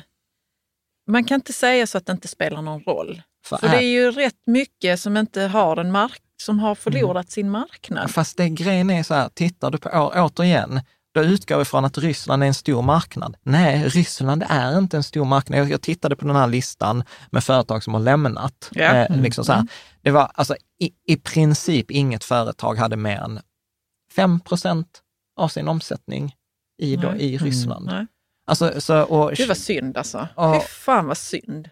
Alltså det är helt otroligt. Jag, jag kan inte fatta att Ryssland har, är ett sånt u-land på det viset. Liksom. Mm. Att det är så många som är fattiga. Ja. Och att det är en sån liten del av världsmarknaden. Och, och det är som till exempel en annan som heter Shatterhand på, på Twitter, en svensk, han är chef på något schweiziskt för ganska hög chef verkar det som. Liksom, han själv, jag vet inte om jag har den här eh, tweeten, eh, han, han skrev en eh, tweet så här, då skriver han själv, dokumentstrimlaren gått varm, eller du kan läsa Karo. Ja, dokumentstrimlaren har gått varm senaste dagarna och tuggat ryska kontrakt. Hittills upp i 90 miljoner US dollars leveranser av högteknologi inställda. Eh, många falsettskrik i luren, men också ett fint brev som i korthet sa I understand what you want, uh, you want to help my Ukrainian friends. I am really sorry. Ja. Om detta är liksom ett mm. företag som har stoppat högteknologiimport för 90 miljoner, för 90 miljoner US-dollar. Alltså det är 900 miljoner kronor. Och som han skriver också så här, svenska företag har gått och se liksom Ryssland från att vara en möjlighet till att vara en belastning. Mm. Liksom. Mm. Vi, vi, kom, vi, kom, vi kommer ännu mer in, in, på, in på det där. Men så att det, det är ju det, det är svårt. Och, och tittar man på just högteknologi så så återigen, det finns en fantastisk tråd av Kamil Galev som pratar om den ryska ekonomin. Men den ryska ekonomin är en ganska outvecklad ekonomi. Alltså så här, det de har att erbjuda, det är råvaror, mer eller mindre. Mm. Det, det, är det de har. Mm. Ingen förfining av råvaror. Alltså, Ingen mm. förädling och inte ens, inte ens brytandet av råvarorna gör de mm. själva. Det har de kinesiska och västföretag mm. som gör. Och, och, du menar oljan och metaller? Och olja, malm, råvaror, mm. palladium, alltså i princip allt. Ryssland är ju en råvaruekonomi. Och det som är så himla fint, Kamil Galev har också en tråd där hon kopplar det till hur det hänger ihop med korruptionen. För att har du en maktbas som bygger på korruption så kan du inte ha en högteknologisk industri. Mm. Liksom. Så att, Nej, berätta vidare där. För jag, jag fattade inte det innan jag läste den tråden som är väldigt mm. intressant. Ja. Därför att då, som Camille Galev skrev, att om man då behöver förädla någonting, ja. då måste man ta in experter som vet hur man förädlar. Mm. Och då kan maktbalansen skifta helt plötsligt, att du vet inte mest, Nej. utan dina experter vet mer än du. Och det kan man kanske inte stå ut med om man har den typen av eh, ledarskap. Liksom. Mm. Ja. För du förlorar din hävstång, du förlorar, yeah. du förlorar din, din makt, för plötsligt mm. har någon annan makten med, med förädling. Kun, ja, ja, och, och detta handlar inte om Ryssland och hon börjar ju också så här att, ja men titta på mexikanska karteller, vad är det de exporterar? Liksom knark, knark och avokados. Liksom så här. De vet dock hur man, hur man eh, förädlar kokabladen till kokain. Ja, det är ja, för de vet. Ja, det är inte så, ja, strunt samma. Ja. Men det här är också, förlåt, måste bara inflika, det här är ganska intressant också, bilden av Ryssland. Ja. Jag tänkte att alla ryssar är programmerare. Nej. Det har varit min, liksom så här, ja men de är programmerare allihopa. Ja. Och det var också så här, nej just det, det är de inte. Det är ingen, nej. det är ingen välutvecklad ekonomi på det nej. sättet. Det är Sankt Petersburg och Moskva som ja. är som väst. Mm. Sen är det enorm fattigdom, enorm misär. Mm i stora delar av Ryssland. Och, du vet, och där, man kan gå in så mycket detaljer. Titta nu också så här, många av liksom krigsfångarna som har fångat i Ryssland, de är ju från öst. Nu mm. när man förstärker, ja då skickar man ju inte Moskvaborna eller Moskva, utan du vet, så här, man utnyttjar de här små minoritetsgrupperna. Och, och, där tror man också, många tror att Ryssland är ett folk. Nej, nej, nej. Ryssland är ju jättestort. Jo, det är en federation. Det är en federation, ja. Mm. Så att, eh, så att nej, Ryssland har ju, men det, ingen av oss har liksom intresserat oss för den mm. typen av, av liksom frågor. Men om vi hoppar tillbaka här till exempel, så, så de importerar all högteknologi. De importerar liksom all, till exempel Lada, som var så här bilmärke, de har redan stoppat sin produktion för de får inte tur, eh, de får inte tag på, på komponenter. Och alla de här liksom företagen som lägger ner eller flyr från Ryssland, det kommer ju leda till liksom en arbetslöshet som leder till minskade skatteintäkter, som kommer öka skatteutgifterna för bidrag och pensioner.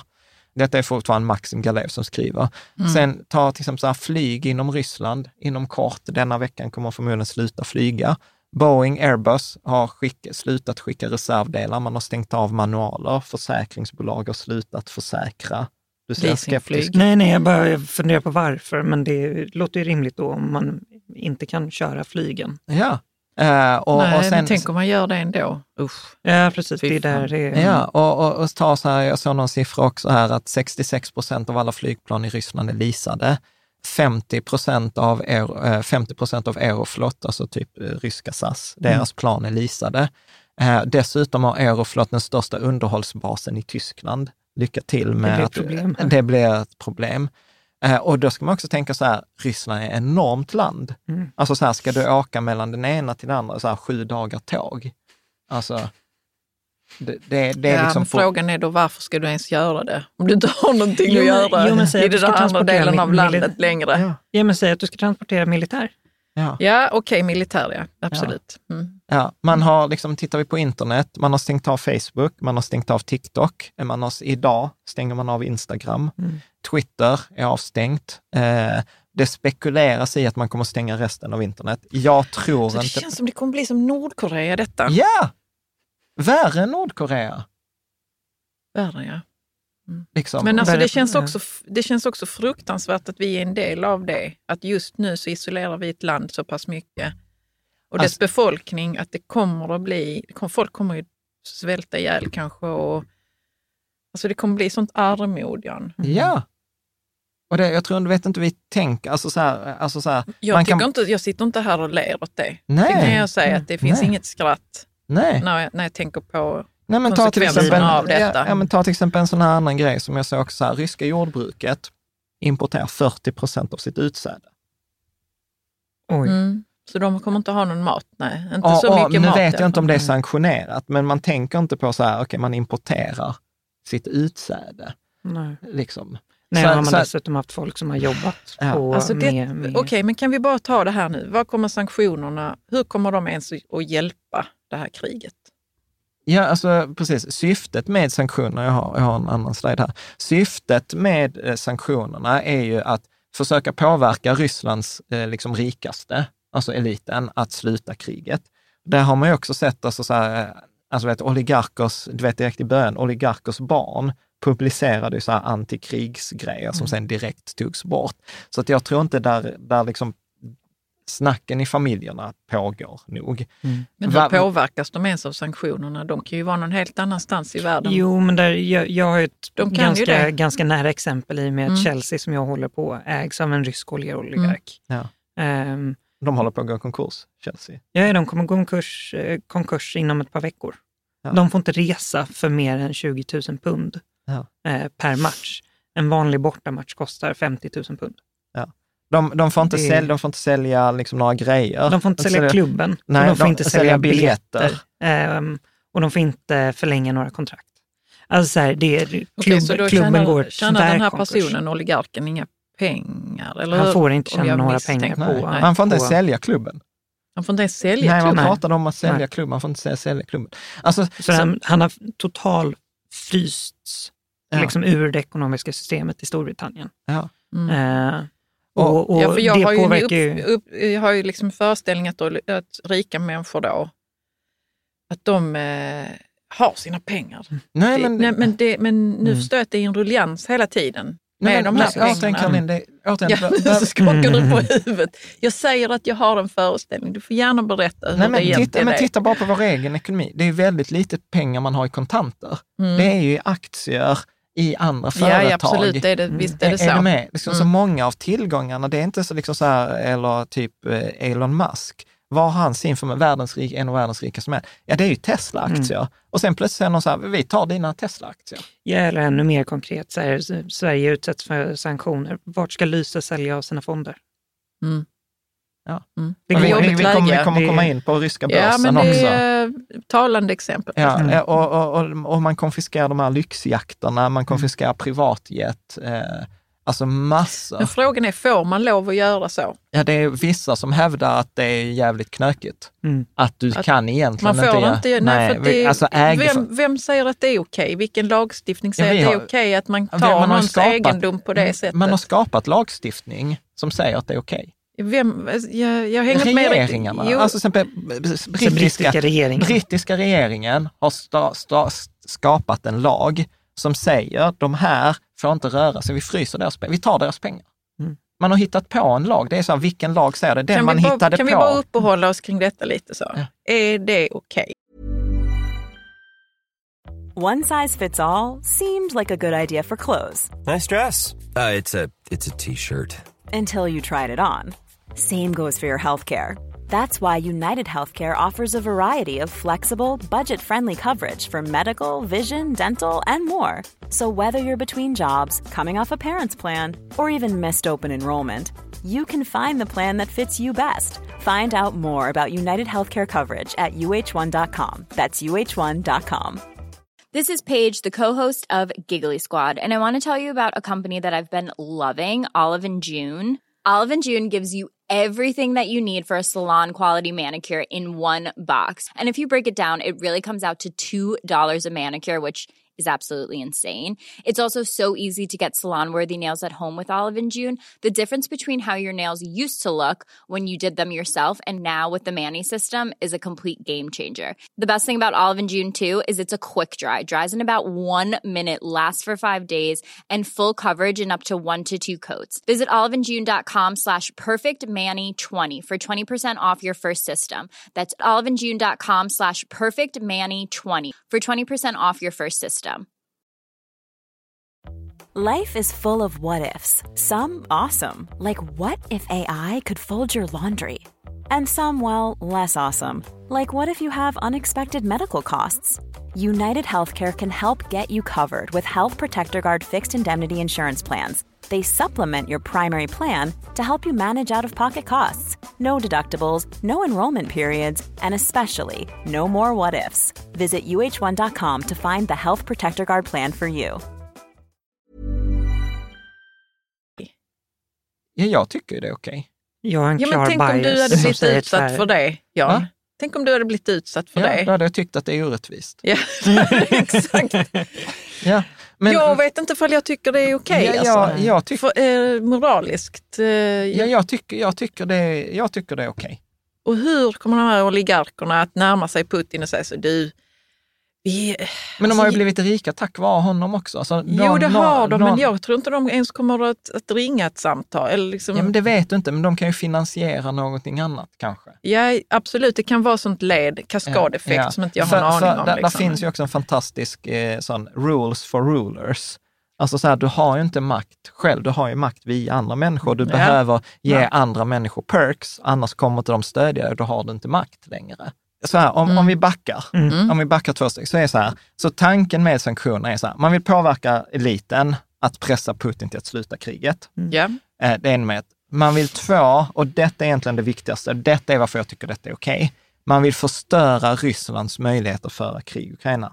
Alltså att föra krig är det dyraste ett land kan åta sig. Mm. Är med? Mm. Det, det är liksom så här, alltså titta, alltså så här, en stridsvagn, återigen, källor Twitter. Mm. Eh, så här, det är inte omöjligt att en, att en stridsvagn kostar över 100 miljoner kronor. Är med? Eh, och vi, vi har ju sett, där, är- vad var det, 200 förstörda stridsvagnar. Alltså Mm. eh, vad, 83 missil, och sånt. ja, vad missiler kostar eh, etc. Och, och då pratar vi liksom bara den ekonomiska biten. Så att föra krig, som, man vill sabba möjligheten att föra krig, att finansiera krig. För det finns, det finns egentligen bara ett par olika eh, sätt hur, hur man kan finansiera ett krig. Och det är så här, man kan öka skatterna eller liksom dra ner, dra ner på kostnader. Man kan låna pengar, man kan trycka mer pengar, man kan stjäla och, och plundra. Jag skulle säga stjäla och plundra funkar på 1500-talet, funkar inte riktigt, eh, riktigt på samma sätt i, idag. Eh, liksom. men, men man vill till exempel så här, eh, och detta är också en av varför jag tror att att Ukraina har mycket goda möjligheter att komma segrande ur denna konflikten, för att Ukraina har just nu oändligt med resurser. Det, det, det Ukraina egentligen behöver, de behöver en motiverad befolkning eh, som vill kriga, som vill liksom, som kan, eller inte vill kriga, som kan tänka sig försvara sig. Mm. De får allt material, de får pengar gratis, de får lån, de får alltså hur mycket liksom som helst. Och sen om vi tar då sista är att man vill skapa social instabilitet i Ryssland. Man vill skapa liksom grogrunden för ett uppror eh, i Ryssland. Jag är tveksam jag är till att det kommer tveksam. att funka. Också men- för att ryssarna, det lever ju fortfarande ryska människor som har klarat sig på väldigt lite Ja, och man är rädd. och utan pengar. Där så. finns ju sådana memes på nät som är så här, du vet, eh, att, eh, att där är liksom en polis som springer, så här, man säger så här, Moskva, en polis som springer en folkgrop, Mm. eh, liksom, som, som springer Mm. från den här ena polisen och sen är det så här Ukraina, du vet så här, eh, ryssarna liksom springer, liksom en, en, en ukrainare står och stoppar en stridsvagn. Mm. Så att eh, folk är rädda och, och där finns ju massor av videor. Återigen, du vet så här, igår var det någon som blev arresterad i Moskva, stod med en eh, tumskylt. Mm. Eh, Helt blankt papper. helt blankt papper eh, och blev arresterad. Och där finns ju mycket sådana skämt redan från Sovjettiden, eh, där det var så här, ja, men, eh, någon står och så här, eh, ja men kungen är dum, och så blir arresterad. Stå, stå med ett plakat. Står med ett plakat så, så här, Mm. kungen, är, kungen är dum. Eh, och så blir han arresterad och så säger han så här, men jag menar den brittiska kungen. Och så säger polisen så här, försök inte lura oss, vi vet alla vem idioten är. Ja, det finns sådana memes. Det Ja. finns sådana memes. Men he helt ärligt Jan, du sa att du, du, du var skeptisk till att skapa social instabilitet. Ja, för rädslan i, i Ryssland just nu, alltså så här, vet, De förstår inte själva vilken makt de har kanske egentligen. Ja, för Ja. du har ju liksom hela den här rädslo liksom grejen. eh, Du, vet, det har ju ryssarna liksom förfinat, den här liksom rädslokulturen och den så hade de sitter i varit väggarna. fransmän hade det varit slut på kriget redan. Hade de, Ja, så kan man ju inte argumentera. Men, de hade kört in med traktorer. Ja. Ja, men och det är också, Ja. där får man också ta, i- ja. där får man också ta i eh, åtanke hela informationskriget Ja, ja, igen. ja. Så det är De inte har- alla ryssar som har, lever du på, vad sa du, 137 Euro. euro i månaden. Ja. Det är inte självklart att du har en iPhone. Så Nej. att du kopplad till Twitter Nej. och ser Nej. vad som händer. Nej, men det märker man ju, alltså så här, alltså detta skapar ju också så här klyftor mellan familjer. Alltså, du vet, det är mycket släkt mellan Ukraina och Ryssland. Du vet, här, eh, exempel på du vet, så här, barn som ringer till sina föräldrar i Ryssland. Du vet, föräldrarna tror inte barnen. Mm. Och du vet, för det blir också för jobbigt. Mm. Men om vi hoppar tillbaka till Maximov, som också så här, Ryssland har liksom på två veckor lyckats bli det mest sanktionerade landet i världen. De är liksom mer, fler sanktioner än både Iran, Syrien, Nordkorea. Mm. Liksom, det är många som flyr, extremt många som flyr till, Vart till flyr de fin, egentligen? Finland, Georgien, Kazakstan, flyr vart den går att fly. Mm. Sen har ju de också problem, som på Georgien eh, har ju haft så här att jag tror du kan flyga till Georgien utan visum, men ska du öppna ett bankkonto i Georgien så behöver du skriva på en, ett papper att du är emot kriget och att Ryssland är, liksom att Putin är dum. Uh, och det är många som inte vågar skriva på det, för det är en dödsdom i, mm. i Om man skulle, i, någon i skulle Ryssland. få tag i det. Men Georgien är med i NATO väl, eller hur är nej, det? Nej, Georgien blev Förlåt invaderat eh, jag, 2008. jag tyckte jag såg Georgien på NATO-medlemslistan. Nej, nej, de var också på väg. De ville ju bli... De ville liksom, det? De ville, Okay. eh, ville liksom få liksom det västliga Liksom demokrati. och där är också så här att vi ibland tänker väst och öst, men vad vi inte fattar är liksom att det är en stor skillnad. Med väst kommer så här demokrati, det kommer liksom så här, gör du bra grejer så kommer du bli belönad för det, du kan göra karriär. Alltså i Ryssland Jo, gör du inte att... karriär på att vara duktig, där gör Mm. du liksom karriär på att stjäla, på att muta, på att förstöra. Alltså, Ja, det, nej, det är vissa kriterier för att komma med i EU ju. Är det inte så? Ja. Om man, är, om man, eh, man måste ha en demokrati, man måste ha... Jag, Ja. jag, jag kan Mm. inte alla dem, men jag tänker att om man kommer med i EU, Ja. då kan man ju räkna med att man är ett land som är liksom som ett västland. Ja, man har en Mm. viss uppsättning Mm. värderingar. Man har en viss uppsättning värderingar och Ja. resultat. Ja, Ja. Mm. ja precis. Så, så att, eh, pam, pam, pam. Så om vi tittar lite så här konkreta grejer, så tittar vi till exempel ryska rubeln versus US-dollarn.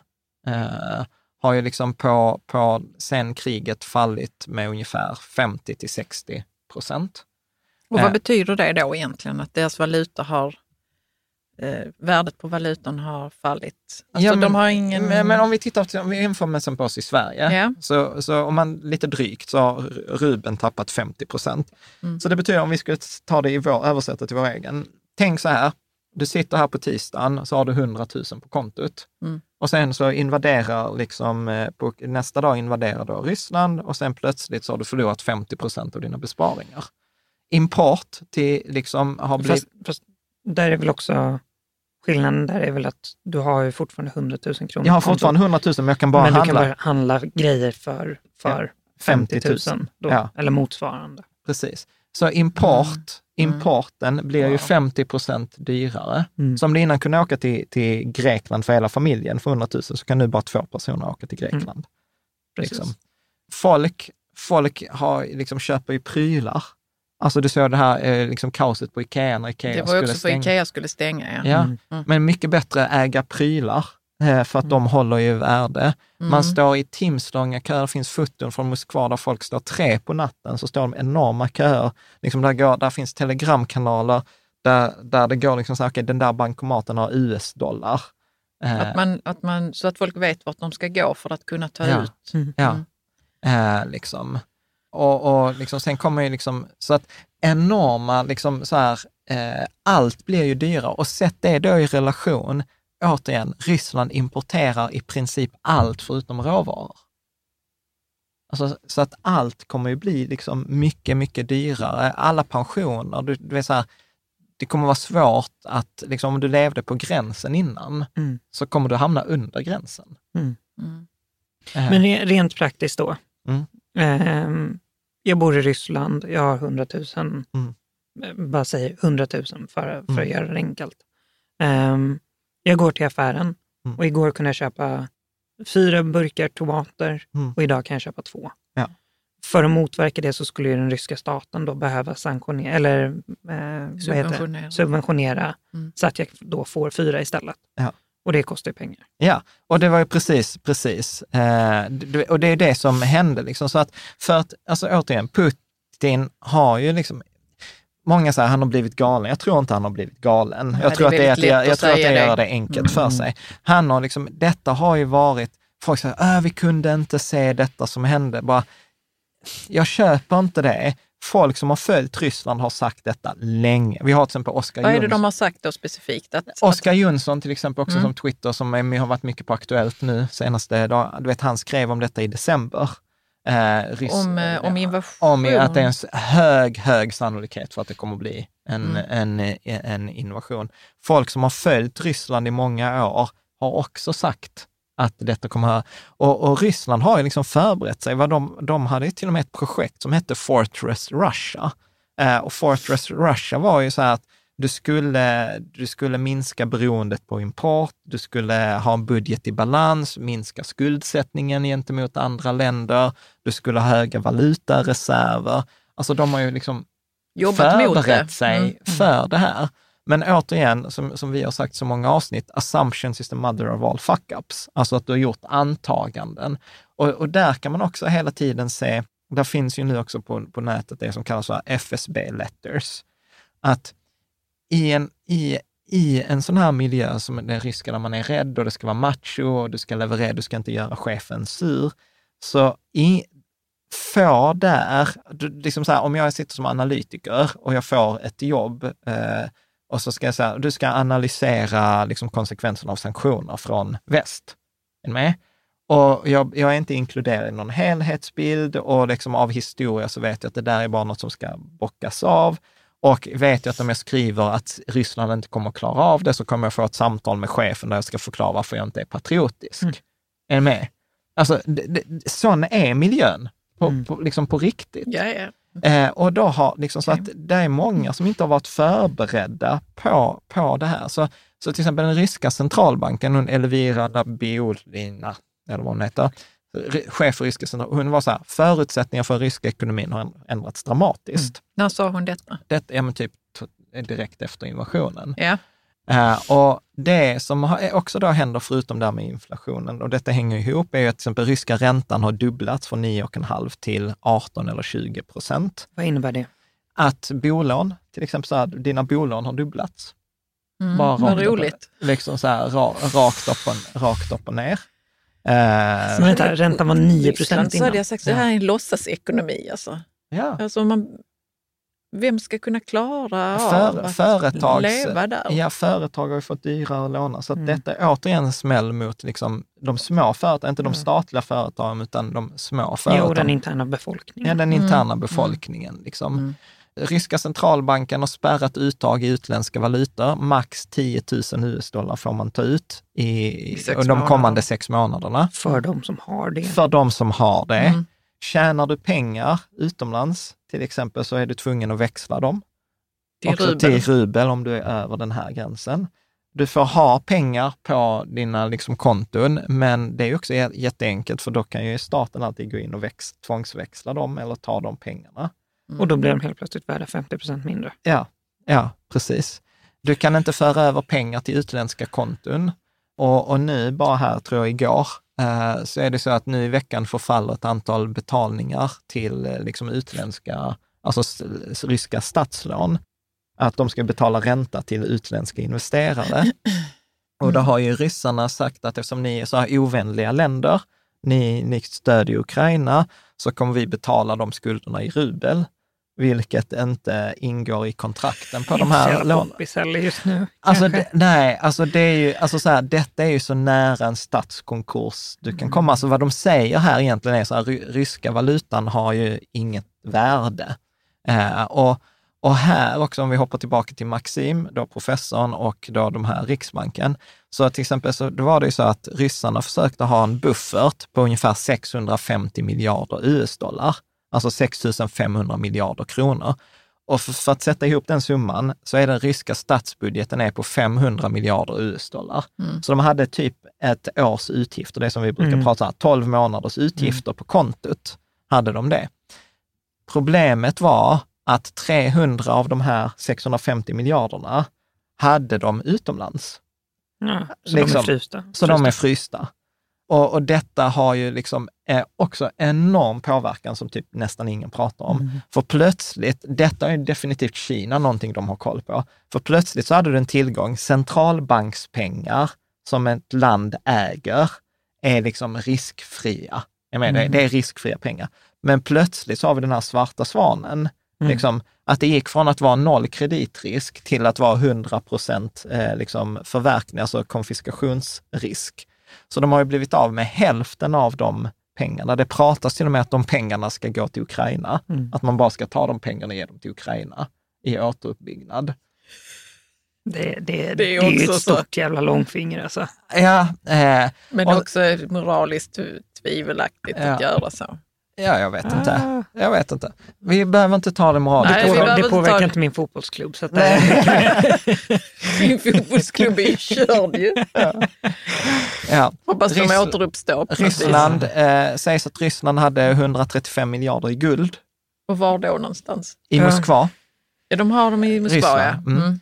Fysiskt guld. Fysiskt guld. Okay. Vilket också är problematiskt. Återigen, rykten säger att de har försökt sälja en del av guldet, men då är det så här, vem, vem, vill, ska vem, vem, ska köpa det? Hur ska du få tag, hur ska du få det mm. dit du ska? Det är ingen som kommer vilja låna ut dem med den säkerheten. Alltså, för det är ju så mm. man gör normalt. Mm. Okej, okay, vi har ett ton guld, jag lånar liksom ett par miljoner av dig för jag har guldet det? som säkerhet. Alltså Jan, ja, och, nu kommer det vara folk som tjänar pengar på Rysslands misär. Vem? Klart att det finns någon som skulle vilja ta det guldet. Delar ja, en trader, trader i New York som sitter på en amerikansk bank tänker du? Nej, jag vet inte. Den jag, jag tänker mer på sådana detta... ljusskygga figurer som håller på med vapen... Eh, eh, vad ska man mm. säga? Och du tror att de kommer jag... köpa 2000 ton guld? För 135 miljarder Jag vet inte, de skulle kunna gå ihop på något vis. du hör hur långsökt det där är. Jo, jag förstår det, men jag, vill, jag tänker jo, men... ändå tanken att någon kanske kan tjäna lite pengar här. Absolut. Men, men då sydamerikansk du... Eh, stat som ja, och, och vad, tror du, och nej, vad tror du händer i steg två? Vänta nu, Caspian höll med mig. Nej, nej, men, nej för där har du... Säg, de enda som kan göra det är ju stater. Ja, det är mm. Kina. Ja, men precis, det är Kina. Vad händer med Kina då? Vad tycker resten av världen om men att de... Kina kan väl göra det lite hemligt? Vems, vems, vems, är, vem, vems är Kinas största marknad? Vänta, jag måste tänka här nu. EU och USA. Ja, men om de gör, det, om de gör affärer hemligt med Ryssland, ja. who's gonna know? Ja, ja men kan. Med tanke på att ryssarna kommunicerar öppet men, på radiovågor så tror ja, jag att vi får nej, reda det på det. gör de i Ukraina. Men Jan, tycker du inte att eh, tanken är lite kittlande? Nej. Någon kan tjäna pengar här mm, nu? Nej, kan för att du blir paria. Mm. Alltså förstår, då är vi tillbaka på jo, informationskriget. Mm. Ingen kommer vilja befatta sig med det. Det är därför så här, ryssarna har till med, återigen rykten, de har försökt sälja det med 20 procent rabatt. De lyckades inte sälja olja med 20 dollar per fat. Nej, för att det, det för måste det ju inga... vara i hemlighet som man köper det i så fall. Okej. Okay driv du denna... Nej, liksom, men jag gillar tanken. Ja. Alltså jag, jag, tycker, jag håller med om att det är att jag är lite så korrupt i mitt sinne. Bara, hmm, det finns, en, det finns en, liksom en affär att göra. Vem ska göra den om man redan är en paria? Ja, om man är redan typ... är en, en kriminell ja. på något vis och har ja. mycket pengar. Och hur många sådana finns det? Det är typ Nordkorea mm. Jag vet inte. Ja. Kina, Kina mm. alltså, så här, vi, alltså så här, att prata om Kina och Rysslands relationen, den är ju också superspännande. Det har vi kunnat prata om i flera timmar. Mm. Men så här, vad som, vad som händer här är ju så här, om det nu är sant att Ryssland har bett om hjälp, men det är ju så att hur det kommer att sluta så här, det är inte en jämlik relation Ryssland och Kina. Kina redan nu, det slutar som med de Kamil Galev-trådarna, eh, Kina gick med på att köpa rå, äh, gas och sånt här från, från Ryssland under tillverkningspris. Alltså så här, kineser säger vad man vill, de är affärsmänniskor, de är transaktionsorienterade. Och de har inga problem att sätta dit någon. Dessutom alltså, är ju så här, om vi pratar om kineserna och kultur, hela deras grej är så här, vi var världens mest framstående civilisation i 2000 år, det är de senaste 100 åren. Det är inte som att Sovjetunionen behandlade Kina bra de senaste 100 åren och det är inte direkt så att, att kineserna är så här, we don't hold a grudge. Mm.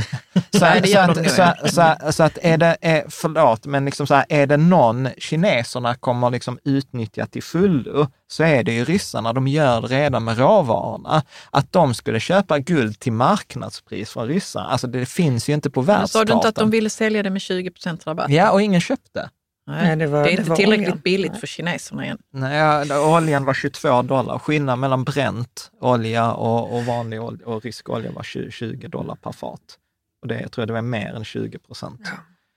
Eh, ja, men okay. Jo, men du så säger att... precis här nu att Kina kommer att göra vad de kan för att utnyttja Rysslands ja, Ryssland belägenhet. Skulle kunna göra Skulle kunna göra, skulle kunna göra. Så här, Ryssland, Ryssland kommer ju bli, stor sannolikhet att Ryssland blir en lydstat till, till Kina. Det mm. skulle inte förvåna. Ryssland kommer, eller så, Kina kommer nog inte ställa sig på väst för att Kina har för mycket att vinna mm. på att vara motståndare till väst. Det är väl mer troligt att Kina köper upp allting som finns, alltså all infrastruktur, precis mm. som de har gjort i, i Afrika. Ja, mm. och köper nu när, nu när alla vilket väst... jäkla affärstillfälle för kineserna ja. just nu. Alltså. Ja, och skit i guldet. Alltså fuck it, guldet är helt ointressant. Kolla nu när till exempel Shell säljer 25 procent av sin andel i det här liksom, ryska oljebolaget. Eller när alla väster, alltså så här, vi har inte ens kommit dit. MSCI, som är, de gör de här index, MSCI mm, World, när vi mm. pratar globalindex, de har plockat bort Ryssland från alla sina index. En med dem säger att Ryssland är uninvestable. Liksom det går inte att investera i Ryssland. Så att det betyder att alla indexfonder, även vi, Lysa, tillväxtmarknaden, allt kommer behöva bara dumpa de ryska aktierna. Vem kommer vara på köpsidan? Och vem kommer plocka upp dem asbilligt? Ja, med Kina. Mm. Eller om liksom Ryssland kommer nationalisera dem, mm. eventuellt. Och det är så många som säger så, oh, fler, fler statligt ägda bolag i Ryssland, det blir nog bra. Det är en framgångsfaktor. Men eh, vi vill inte att det ska hända egentligen, att Kina ska ta över ryska tillgångar, eller hur? Ja. Att, att Ryssland skulle bli en lydstat till Kina. Ja, det är, alltså, det är som att väg. då skulle de, kineserna utöka sitt... Um, Sphere of influence. Ja, ja och då blir de ju ännu starkare. Ja. Det känns väldigt jobbigt. Ja, mm. men å andra sidan, så, så någon som någon skrev, Europa och väst har ju hittat sin ryggrad. Så att ja, vi har två block i världen. Vi mm. har det kinesiska mm. blocket, kinesiska kulturen, och vi har det västliga eh, blocket. Sen kan man liksom ha en långa diskussion om vilket av dem är bäst, vad tycker vi etc. Men det är annorlunda. Och ryssarna har ju liksom hela tiden försökt vara en aktör i detta, men de, de har återigen skitit i det blå skapet. För att vad var det Ryssland hade liksom som stod, ja vi är militärmakt, vi utvecklar bra militära prylar. Men det har vi ju sett hur bra de militära prylarna var nere i Ukraina. Mm. Så, att, så att Ryssland har inte ens något att erbjuda längre med. Innan kunde de åtminstone exportera sin militära materiel, för folk levde i synen så här, detta är bra. Sen är det också diskussioner, är det bra eller är det bara genomförandet det bra? Det var någon amerikansk general som sa så här, ja de ryska systemen funkar, fungerar bra när de handhas av ukrainare. Mm. Liksom. Återigen, man vet inte. Men om vi hoppar, hoppar, hoppar tillbaka, yeah. så man har uteslutit dem från Swift, så det går inte att föra över pengar. Kan du för, bara förklara vad det innebär? Så, I korthet. Så Swift är en internationell organisation, tror jag, i Belgien, eh, som gör så här att när jag har en bank i ett, ett, land och en annan bank i ett annat land och de ska föra över pengar till varandra, så går det via den här Swift-organisationen. Typ som centralbanken som ja, typ. Ja, men precis. Mm. Så när två banker ska göra affär med varandra så måste det gå via den. Mm. I princip alla banker, förutom eh, de som behövs för liksom, olje, eh, importen av gas till Europa, vilket vi också kan diskutera, att EU köper sjukt mycket gas eh, av, av Ryssland. Så att eh, alla de andra bankerna är liksom bortkopplade från det där. Så det går liksom så att även om du skulle frakta din container med prylar till, till Ryssland, hur fan ska du få betalt? Eller om du har anställda i mm. Ryssland, hur ska du betala dem löner? Det är ju typ bitcoin. Ja, och det kommer i nästa grej. Ja, men, ja. ja kryptobörserna har börjat eh, liksom banna ryska kunder. Mm. Eh, och, eh, och där kommer återigen lagstiftning, både i USA etc., att, att eh, kryptobörserna, om, om, om då till exempel en, en amerikansk kryptobörs gör affärer med ryssar så kommer de förlora sitt tillstånd i USA. Mm. Mm. Så, att, mm. så att det är inte heller liksom ett, ett, ett, ett alternativ. Och sen tittar vi på ryska börsen. Mm. Så detta var ju också ganska roligt. Det var, de hade, in, nu har jag tappat namnet, jag hade inte förberett det, men de hade typ som på Ekonominyheterna, eh, en, en rysk eh, sån här eh, som hade en fond som handlade med börshandlade fonder. Och han var så här, ja, det var en nice ride de här åren. Vi hade en kul resa, kamrat. Nu ska jag gå tillbaka och bli jultomte. Problemet med att vara jultomte, det är att man bara kan vara det en gång om året och så tog han en skal i direktsänd liksom, eh, tv. What? Ja. ja, det är ett fantastiskt klipp. Liksom, och du vet, jag får kolla på det klippet. Ja. Var hittar man det? Ja, men det jag kan, jag, jag kan, länka, jag kan länka till ja, det. Liksom. Och om vi tittar på liksom ryska börsen, så de 30 bolag som är liksom dubbelnoterade, som är noterade i London, de är ner mer än 90 procent.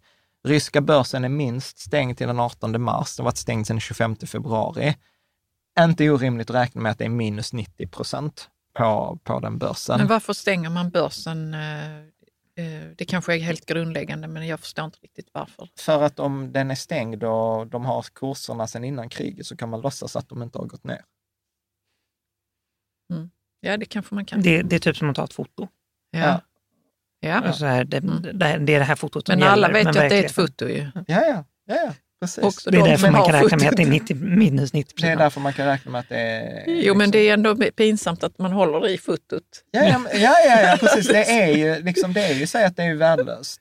Och, och, då, liksom så här, och vi har inte ens kommit in på det så här, vem kommer vilja investera i Ryssland framgent? Vem kommer vilja låna ut pengar till den ryska staten eller till ryska företag? Alltså, du vet, de är ju fakt för liksom, en generation framåt. Liksom. Minst. Minst. Minst ja. ja. Och, och, om vi tittar på så här, privata investerare eh, hade ungefär 15 miljarder US-dollar på den ryska börsen. Alltså privatsparare i Ryssland, inte institutioner utan ryska privata sparare. 15 mm. miljarder US-dollar, alltså ungefär 150 miljarder. Återigen, vi vet inte hur mycket ryska börsen kommer att gå ner, men vi kan ju säga så här att den är ju nere 30 procent, eller till och med mer, kanske till och med 50 procent, bara på valutaförändringen. Mm. Liksom, så att detta är enorm förstörelse av, liksom, du vet det är som alla våra lyssnare och läsare, liksom, ja, så här, ni är här, grattis, ni är av med hälften av era pengar. Mm. Och, och, och då vet vi liksom inte att det sannolikt är i, i, i Ryssland som det är i Sverige, att de flesta privatsparare sparar ju i sitt eget land. Mm. Ja, I sina ja. egna... Liksom, ja, man eh, home bias. Ja. Mm. Så, så, att det är liksom, det är liksom, ja, återigen, inte katastrof som sitter i ett skyddsrum i, i, i Ukraina och liksom undrar om du kommer överleva eller mat för dagen. Men, men det är så här åratals av, mm. av sparande är liksom borta. Mm. Eh, liksom. eh, vi pratar inflation i Ryssland, 20 procent per år. Så att det är inte bara att priserna har fallit, liksom så här med, eller priserna har ökat med 50 procent nu, att de kommer stanna där. Nej, de kommer förmodligen fortsätta öka. Liksom pengarnas mm. värde kommer mm. urholkas. Mm. Eh, vi pratar om massor av folk som är arbetslösa. Vi tar bara Upwork som vi använder, man, an, liksom så här, okay, man har anställt ryska programmerare eller det är så här, folk som har försörjt sig, influencers som har försörjt sig på Instagram eller YouTube. Så här, deras inkomster är liksom borta. Väck. Mm. Mm. Väck, helt. Alltså, och det har också varit så här, du vet, man, folk på Twitter har skrattat över det, så här, ryska influencers som gråter på liksom, Instagram. Nej men jag kan fatta, jag tänk om du har mm. gjort en grej som vi i 15 år och sen är det liksom så här, okej, okay, detta är vårt avsked, mm. då. Ja, och du har noll, noll påverkan på det. Ja, ja, ja, ja precis. Mm.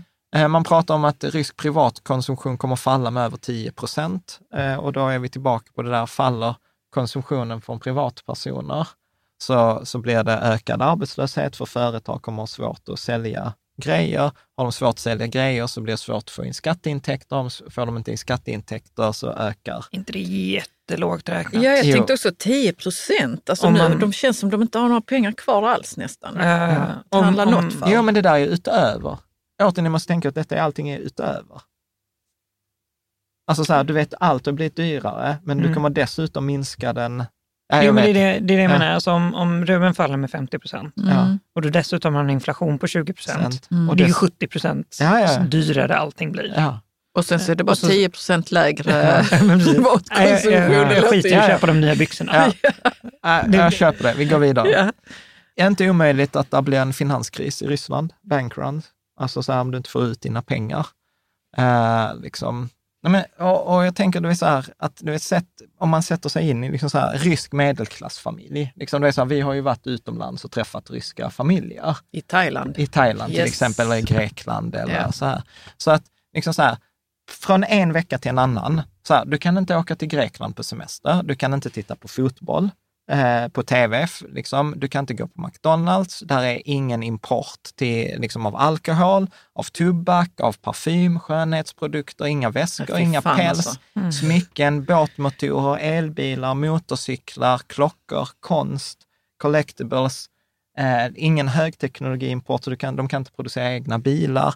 Ingenting. Alltså, vet, Inget det, av allt det sköna i livet. Nej. Och inte och, det grundläggande dessutom, heller. Nej, och dessutom nej. så är det begränsningar på hur mycket du kan köpa. Du kan inte använda liksom ditt Visa eller Mastercard. Du kan inte använda Apple Pay eller Google Pay i tunnelbana. Alltså, du vet, det är vissa som skriver så här, du vet den unga generationen får plötsligt så här historielektion hur det var att leva under Sovjettiden. Ja, absolut. Och jag vet inte med hur det är med er, men om allting skulle liksom sluta, om jag inte skulle kunna handla någonting. Jag, jag, man skulle ju behöva gå ut i naturen typ. Förstår ni? Att man måste hämta saker någon annanstans. Mm. Jan, jag är inte okej okay med att vår, eh, alltså att vi inte har något att äta liksom. Nej. Eh, som, är, som är hyfsad nivå på med vitaminer och så. Ja. Jag vet inte vad du tänker, men för mig hade det varit katastrofalt. Mm. Ja, men alltså du vet så här, liv... Jag det, ser det... till att vi får inte mer mat på bordet, liksom, ja. i form av middag ja. liksom, och frukost och så. Och tänk om, det inte, om jag inte kan servera det. Ja. För mig hade det varit fruktansvärt. Ja, och det är, där, det är därför han, Maxim också säger så att de är double fucked. För de har inte det, detta vi pratar om nu, så här, alltså så här, att de kan inte, att dentalprodukter är slut. Ja, eh, man kan inte de, kan, de kan inte, de kan inte ta in proteser. Man försökte importera proteser från Kina, de var dåliga kopior på de från väst. Du får inte in proteser, du får inte in liksom högteknologi, du får inte in stål och järn. Alltså du vet så här, Jo, men du säger maskiner. alla de här grejerna och jag börjar tänka så, vad är konsekvenserna för om jag inte skulle liksom få, kunna leva mitt vanliga liv? Jag är okej okay, utan vin och och kanske choklad och så. Men alltså, det finns ju vissa grejer som bara måste mm.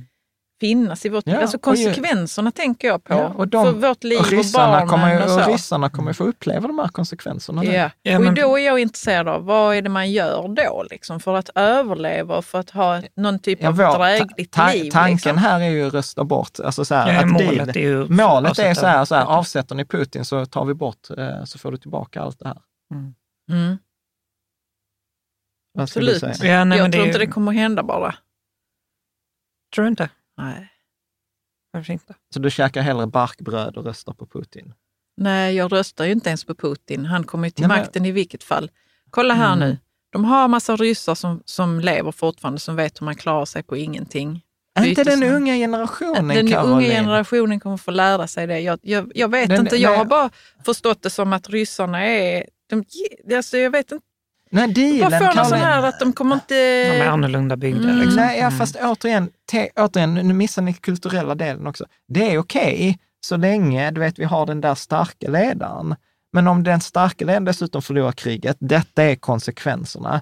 Någonstans går ju liksom linjen, alltså det är inte som att Ryssland inte har haft revolutioner. Nej, men då måste vi också veta, så, vad är det för info de får mm. när allting tas ifrån dem, ryssarna? Ja. Vad får de för information?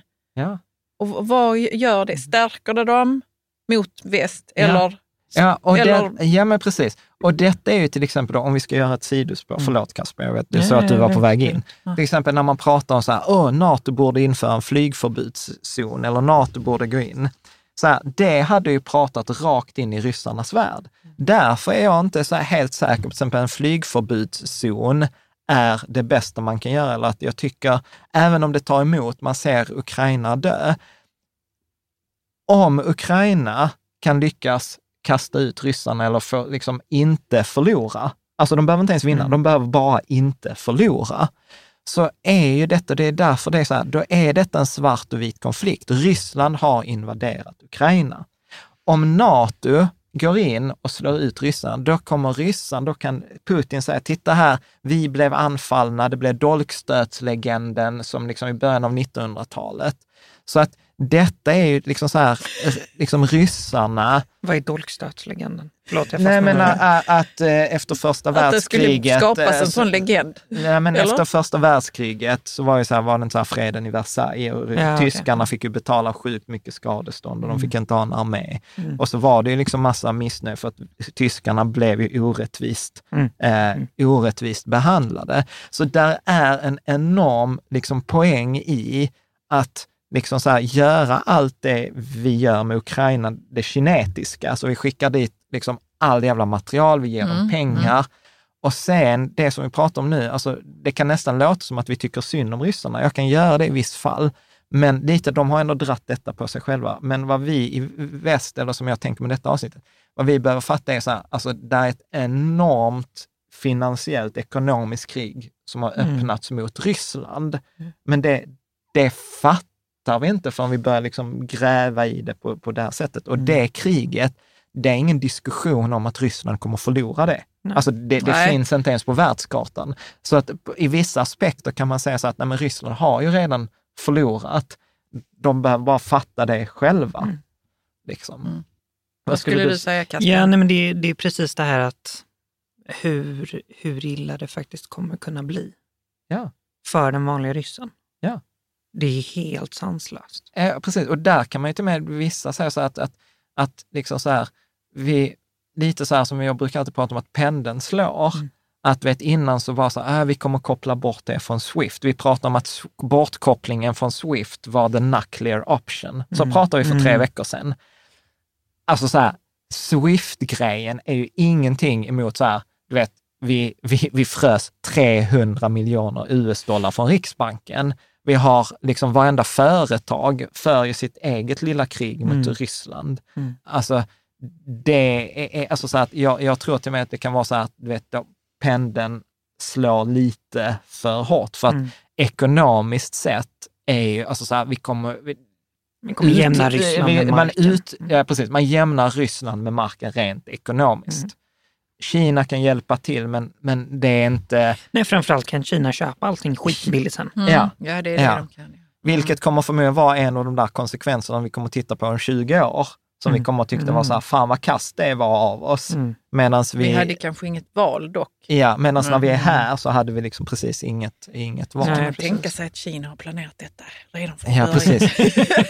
och det började och med... Och det började, gör så här, ja, och så, så var det, och så var det på det där labbet i Wuhan med coronaviruset som de släppte det var det, ut. Det, det var första pusselbiten. Ja, ja. Så. Nej, men där, där blir det också utifrån som talar precis till det. Var det inte Camille som, som eh, skrev det, att Ryssland har utmålat sig, alltså propagandamaskinen har utmålat sig själv som det goda ja. sen andra världskriget. Ja. Att man besegrar nazisterna och alla som är emot Ryssland nu är nazister. Ja. Ja. För, som en förberedelse för, ja. Ja, för ett precis, annat krig, precis. detta kriget. Uh, jag menar om det kan fortsätta, då dels, dels det faktiska, alltså fysiska kriget men också det ekonomiska kriget. Ja. Så det, det narrativet kommer inte skruvas ner. Nej, nej, nej. nej. Och, och dessutom så öppnar det upp för, även om Putin avsätts, ja. det är inte så säkert att nästa person blir bättre. Nej. Nej, men och det, och det, är det, det som är, det är, det som är också så, här, så, så, svårt just nu, att där finns, alltså så här, just nu är så här, utfallsmängden så jävla stor. Mm. Vi har allt från fantastiska utfall. Mm. Alltså så här, du vet, så här, eh, du vet, Putin avsätts, Ryssland går mer demokratisk riktning, man tar bort sanktionerna, mm. vi får till att, ja men på riktigt så här, taktiskt kärnvapen i mm. Ukraina. Alltså mm. spannet just nu är så jävla brett. Mm. Vil, det är vilket, väldigt stressande. Vilket, ja men det, det, mm. där är ingen förutsägbarhet, vilket Nej. är återigen, länders uppgift är att skapa förutsägbarhet. Men kommer för... vi prata lite grann om, om uh, möjliga utfall, för liksom, hur det påverkar oss i väst, uh, detta kriget? Ja, vad tänker du? Uh, jag hade sådana bra tankar innan.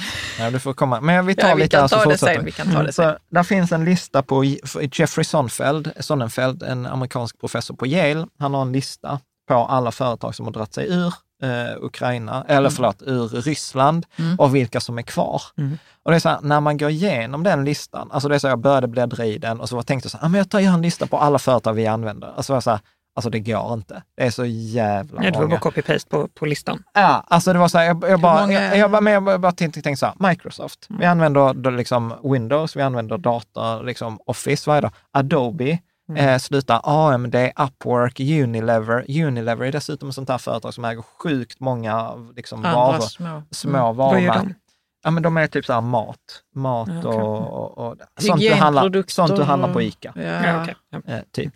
Netflix, Visa, Mastercard, Paypal, Mitsubishi, Blackrock. Vad gör Blackrock? Ja, men det är fonderna, alla fonderna som, som äger, allt, som äger allt. Boeing, DB Schenker, alltså så här, du vet så här, mm leveranser, Disney, Electronic Arts, Sony. Alltså. Men Microsoft sa du, att om man då har en dator i Ryssland som man har Microsoft ja. på? Ja, svårt att säga att man kommer få uppdateringar. Dags att installera Linux. Ja. ja. Eh, liksom.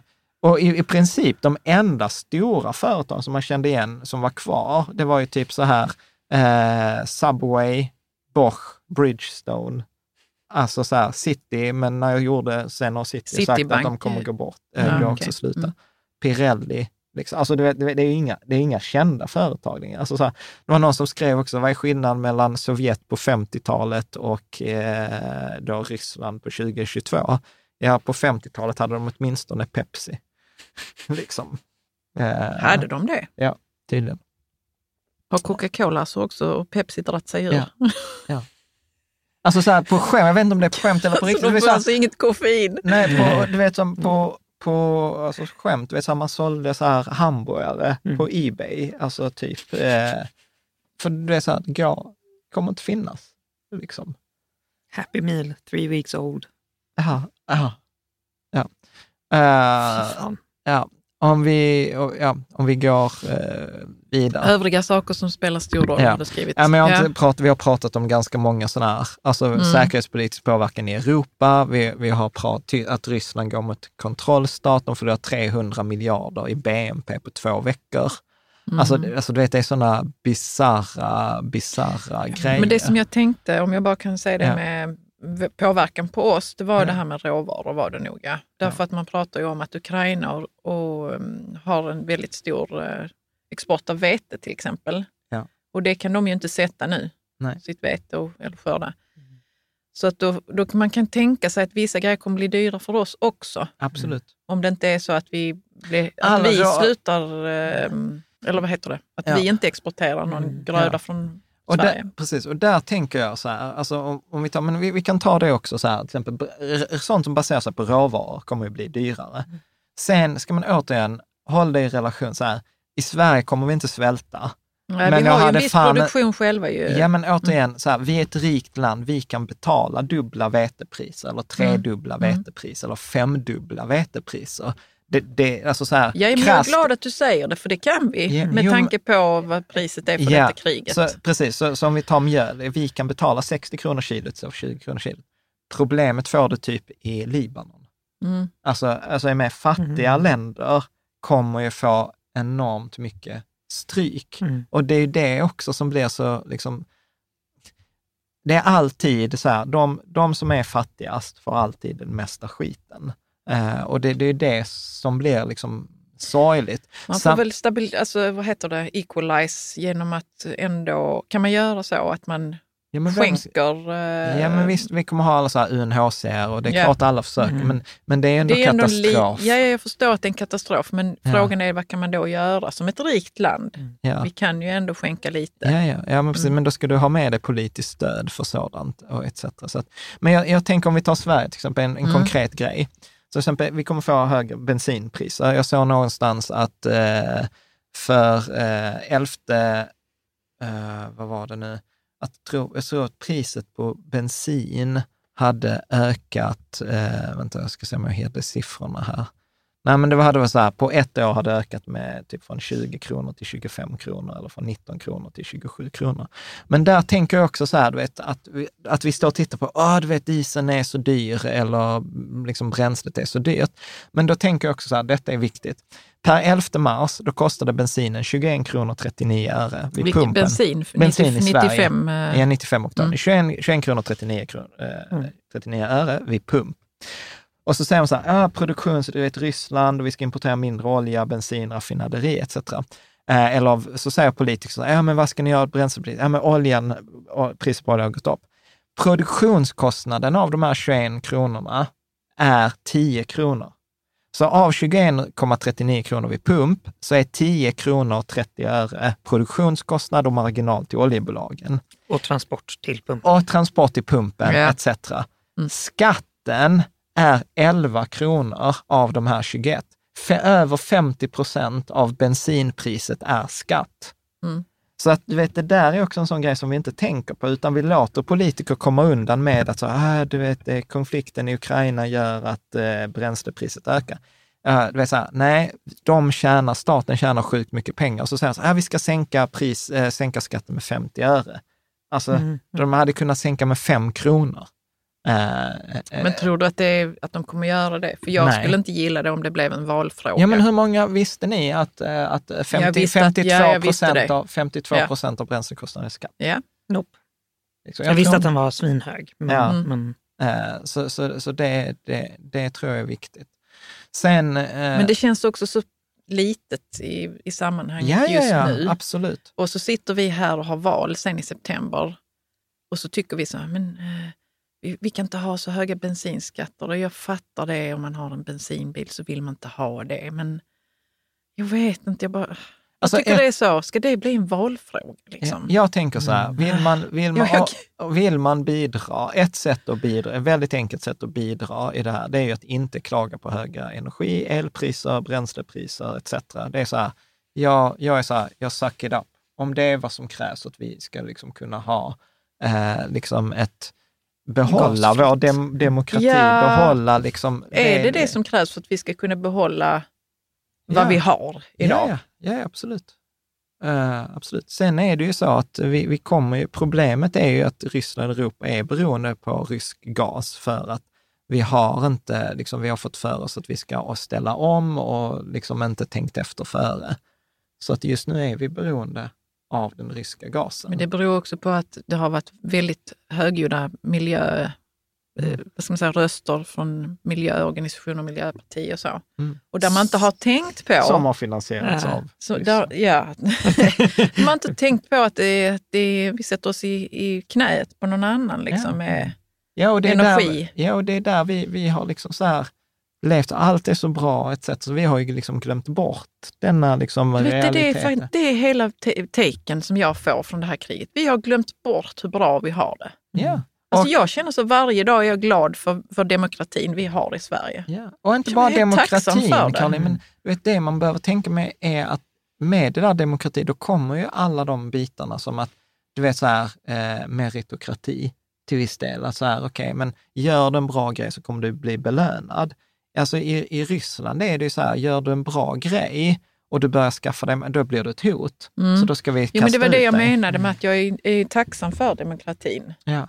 För det kommer mycket bra med det. Mm. Ja. Vad, vad tänker du Kaspen?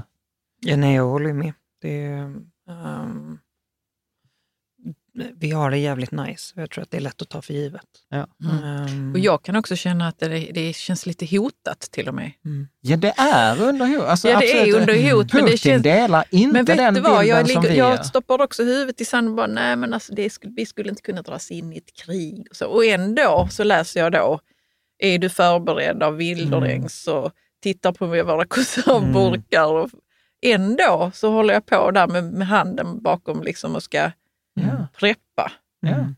Nej, men absolut, och för mig har ju detta också varit en liksom så här, om, omvärdering av saker. Alltså, att innan så var jag så här, ja men du vet så här prepping och så när sticker man och när lämnar mm. man. Idag är jag så här, alltså så här, eh, nej jag hade inte det, men jag har sett, sett till att du och tjejerna hamnar i säkerhet. Sen hade jag fan också åkt tillbaka och krigat. Alltså jag ju mm. till och med vara så här, bara, bara känna mig bara så jävla värdelös. Mm. Uh, liksom att, Känner du dig värdelös?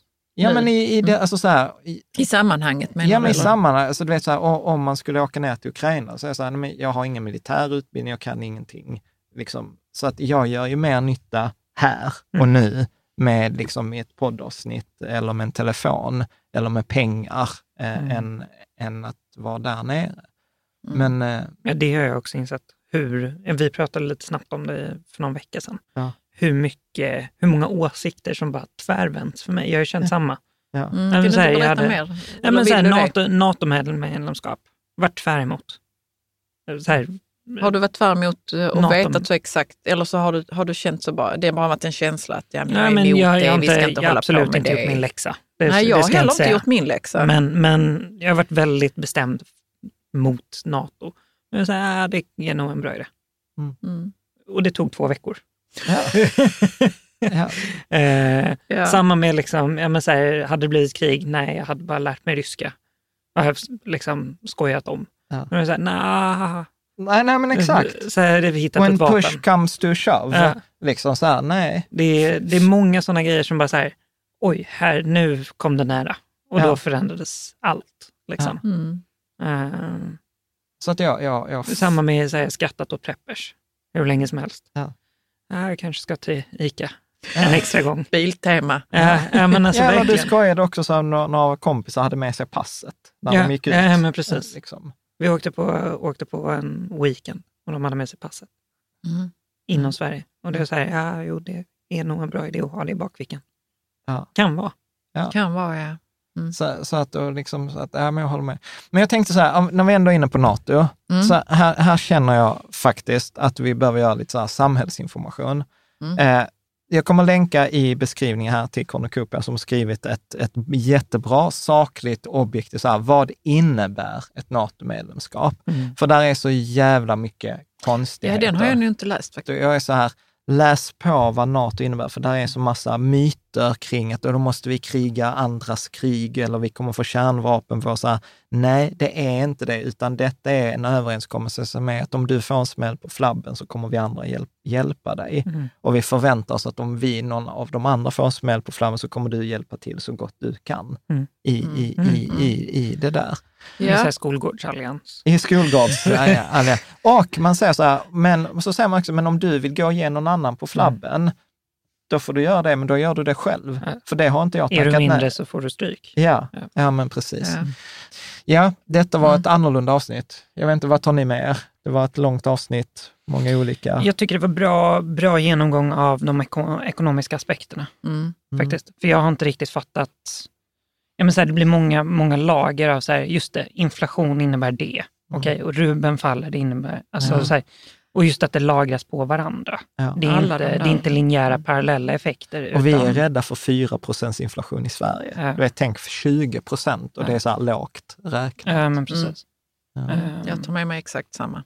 Alla de här eh, effekterna som lagras på varandra Ja. som kommer att vara helt brutala. Alltså, det, ja, ja, alltså precis, det där, det där är brutalt. Alltså Mm. det där är inte bara så här, ah, vi vann, vi vann 2-1. Det Nej. är så här, okej, vi, vi körde över dem med liksom 75-2. Så vi lever ju i historia nu, det är det som är så sjukt. Liksom. Mm. Man har, vi har aldrig sett något liknande um, företag som inte vill handla med länder. Alltså hur många länder som helst som bara så, vi handlar inte med er. Ja. Vi Mm. skeppar inte till er. Vi exporterar Vi inte, exporterar vi, inte, säger vi vill inte ha er. något från er. Vi vill inte, vi, Alltså vi, det, vi vi har aldrig varit bort. med om något liknande ju. Mm. Nej, det är, Mm. Så att, nej, vi, det, vi får, vi, to be continued. ja, to Ja, be verkligen. continued. Ja. och det är också värt att säga att så här, det här spelas in, vad är det för datum? 14 mars vid Ja. lunch. Och jag lovar så här att går vi in på Twitter nu efter detta så har det Ja, hänt, ja. eh, har hänt nya, nya grejer. Ja, och det släpps om, om två, tre dagar förhoppningsvis. Ja, ja, Då- precis. Vi precis. får se. Stort tack Caspian för Tack så att mycket. du, du, Tack. du var med. För Tack, att jag fick vara med. tack Karo. Eh, och, Tack för eh, att du har sammanställt det här Jan. Ja, ja, verkligen. ja, Det ja, ja. Och så ses För att du har vi- nördat på Twitter i två veckor. Ja, precis. Tack så mycket. Vi ses.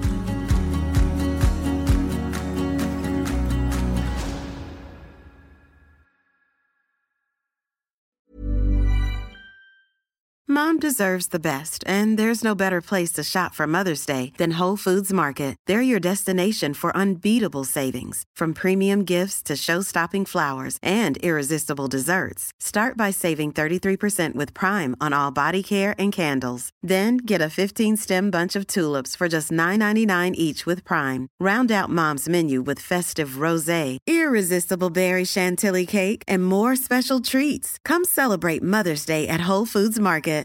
When you make decisions for your company, you look for the no brainers. And if you have a lot of mailing to do, stamps.com is the ultimate no brainer. It streamlines your processes to make your business more efficient, which makes you less busy. Mail checks, invoices, legal documents, and everything you need to keep your business running with stamps.com. Seamlessly connect with every major marketplace and shopping cart. Schedule package pickups and see your cheapest and fastest shipping options from different carriers with rates up to 89% off USPS and UPS rates. And with the stamps.com mobile app, you can take care of mailing and shipping wherever you are. Make the same no-brainer decision as over 1 million other businesses with stamps.com. Sign up with code program for a 4-week trial plus free postage and a free digital scale. No long-term commitments or contracts. That's stamps.com. Code program.